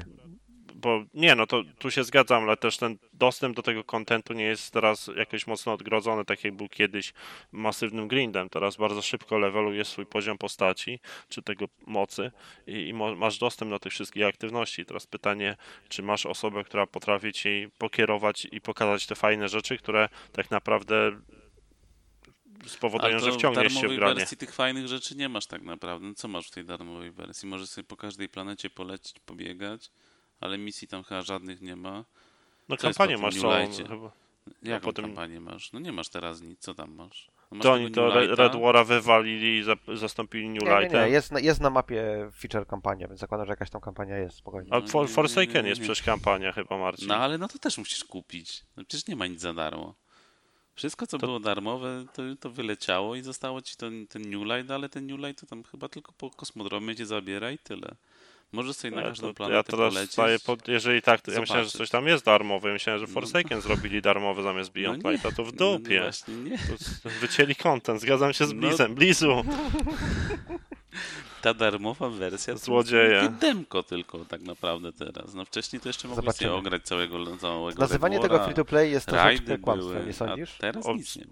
w 100% się zgadzam, tego tydzień temu mówiłem, że to, że Microsoft wpuścił Destiny do free-to-play gier, za które nie musisz płacić go- golda, a oni cały czas kasują za wszystkie dodatki obecne i przyszłe, jest skandalem. To nie jest gra free-to-play. Okidok. No zobaczymy dokąd, e, dokąd można grać. Teraz e, dodają World of Destiny. Glass, więc będzie nowy rajd dla, za darmo. A Volt akurat jest zarąbistym rajdem, żeby kogoś przeprowadzić przez niego. Oj, tu chyba nostalgia, Martin, przez ciebie. Oj, Marcin, no nie jest to Last Wish, ale wydaje mi się, że Żadnych mechanik tak naprawdę. Wszystko No nie nastawione mów. na walkę. no nie, tam nie masz mechanik, że spędzasz połowę rajdu na jednej arenie, gdzie masz trzy etapy chyba. Klimat jest fajny. Wiadomo, że to było coś nowego, coś pierwszego. Spoko. Ale teraz... Oj, nie wiem. Nie wiem. znaczy minus Volta jest taki, Ale że ty tam patrzysz jest z perspektywy wrogu, patrzysz z perspektywy kogoś, kto już ograł dużo, dużo więcej, tak? Dla kogoś, kto dopiero... Ale nie, nie, to wiesz, no ja też zajebiście no. wspominam o World of Glass, pierwszy raz, ale to było, ale to było fajnie, super się grało, ale jak tak, jakbym miał to teraz zagrać, czy nawet sobie z ciekawości włączyłem jakiś filmik z tego World of Glass, jak się w jedynce grało. Jedynkę nawet sobie ostatnio pobrałem i sobie chwilę po, postrzelałem. No sorry, no, no nie, no nie, no, no Destiny poszło tak do przodu od tamtego czasu i rajdy same tak poszły do przodu, że no, to głównie nostalgia przemawia przez ludzi, kiedy tak fajnie sobie wspominają o World of Glass, ale to było fajnie. Moim zdaniem jedyny Zobaczymy. minus Vo- Volta jest, że tam jest dużo e, duże nastawienie na jedną osobę, która e, trzyma tą tarczę, tak? Czy przy walce Templara, czy, czy przy walce z Ateonem. A, bo ona dużo roboty wykonuje, reszta jest bardziej tak jakby czyści moby, ale tak czy inaczej mechaniki są fajne. Ta faza przez, przed Ateonem, gdzie musisz czyścić Wenus i Mars jest całkiem fajna, gdzie zdobywasz tą tarczę. Masz samą walkę z Ateonem, gdzie musisz przejść właśnie, podzielić się na dwa zespoły po trzy. Całkiem spoko. Walka z Centralem, podzieli. Już się sam nie podzielisz. no wiem, no to randomowo jest, nie, nie stoisz bliżej To był ściany. błąd. No Ja do tej pory pamiętam Luka Smitha, który tłumaczył, że to był błąd, że tak nie powinno być. Jak błąd. Ale, ale e, motyw otwierania samego Volta jest fajny moim zdaniem. No, te konfluksy to może nie, bo to tam akurat nudne, ale nie, ja bym dalej Oracle, zaliczył. dobry, super etap, gdzie tam siedzisz i klepiesz te kulki. No, Oracle to tragedia i to w szczególności przy długości trwania tego, ale mówię, No, ale jest to długi Mam nadzieję, że- rajd, Ja mam pełnoprawny nadzieję, i że są to fajne trochę mechaniki. skrócą. Nie no, rajd, klimat na pewno miał fajny, ogólnie miło go wspominam, ale myślę, że gra poszła od tamtej pory strasznie do przodu i ten Zajebiste jest to, że nie zrozumiałem niczego z tego, co mówiliście. Bo nie powinieneś, ale lepszy i tak niż Garden of Salvation. Tragedia, kurwa. Nie był taki zły. No, fatalny, nienawidzę tego rajdu, jest tak nudny, że to się w głowie nie mieści. Ciężko się Dobra, do niego myślę, że wraca. Ciężko się do Myślę, niego że starczy tyle o Destiny, naprawdę, chłopaki. Starczy. No i trochę, że na, nawet nas popuściliście, mogliśmy sobie po chwilę porozmawiać. Ryan, niepotrzebnie zacząłeś grać w Destiny, bo teraz mamy trzeciego do rozmowy. No, no, będziemy cię co tydzień pytać. Z tego, co mówisz, to się, to się dużo to szybko się skończy. No, tak się wciągniesz, że dodatki pokupujesz. Tak Nie, no bo ja mam, ja, ja, mam przy, ja mam pełną wersję na PC, jak coś, to mogę ci parę rzeczy pokazać. Czekaj. Pomyślimy. Pomyślimy. W szczególności, że muszę nadrabiać e, sezon przed 11, żeby zrobić może chociaż tą pieczęć A teraz, jedną. teraz nie musisz nadrabiać, bo masz czas do 15, żeby to No zrobić. wiem, ale już mam dwie zaległe chyba, tak więc może Aha. coś dokończę przynajmniej. Okej, no Ja w ogóle, ja mówię ci, grałem przez pierwsze trzy tygodnie, zrobiłem parę rzeczy i, i jak zam, zamknąłem grę i zacząłem, nie wiem, grać w inne, to, to, to, tak w ogóle nie odpalałem Destiny. Jak już nawet Fortnite'a zacząłem grać, to kurde, już naprawdę Destiny mam dosyć. Ale nawet teraz, wczoraj odpaliłem i na samą myśl, że muszę zagrać tam e, Crucible'a czy Rambla, żeby szybko nabić trochę tego, tego złota do tych chestów, to już mi odruch wymiotny. Nie mogę, nie mogę. A Strike, o Strike nawet nie chcę myśleć. Ja tak w połowie sezonu, nie wiem, jakoś w marcu, w połowie marca, jakoś tak w tym momencie zaczynałem wypadać powoli. W sensie dalej grałem, ale już, już, już ciśnienie zeszło i tak stopniowo, stopniowo. Ja ciśnienia nie miałem. Ja ciśnienia nie mam od roku już, tak można powiedzieć. że to Beyond Light mnie zmęczył. Chociaż raid nawet całkiem fajny, ale też już raida nie mogę teraz grać. Już, już jest ciężko. Ale fajny ogólnie jest. W temacie ciśnienia zaraz się zasikam, kończmy już, proszę. Ale to nie, to nie mamy jeszcze. Ma- Max gra w Judgmenta, chciałem usłyszeć, co to za gra. Może o To następnym razem możemy. Może o Jakuzie To jest kolejna Jakuza. No tak nie, bo ja nie. chciałem o o Odysei porozmawiać, bo jest zajebista moim zdaniem. Na następny raz. Dobrze. Długo. Gorąco. Marcin, polecam grę nie- gorąco Odyseję. Nawet jeżeli nie wiem, Origins... Origina nie. grałem, tak mnie zmęczył, że do tej pory Nie, zupełnie, zupełnie. jakiegoś, Ja Originem też byłem zmęczony, a Odyseję odpaliłem i od razu się wciągnąłem. Fantastyczne. Dziękuję bardzo serdecznie. To był 183 epizod podcastu Epic Fail. Było soczyście i ciekawie. Tak więc mam nadzieję, że jesteście zadowoleni. A ja dziękuję bardzo serdecznie Ryanowi Dzięki. i Maxowi, Dzięki. a także Adamowi Dziękuję. i Marcinowi. Dziękuję bardzo. Pamiętajcie, żeby sprawdzić nas na Facebooku, Twitterze, Fail Network strona, a także subskrybować na Discordzie, a, czy dołączyć do kanału Discord po prostu. Tak, subskrybujcie Discorda. Można subskrybować chyba, nie wiem, ale na YouTubie to- mamy co to było? 170, Discord Nitro mogą wykupić. 179 subskrypcji, zanim Sony zablokuje. Maybe you should play. That may fail.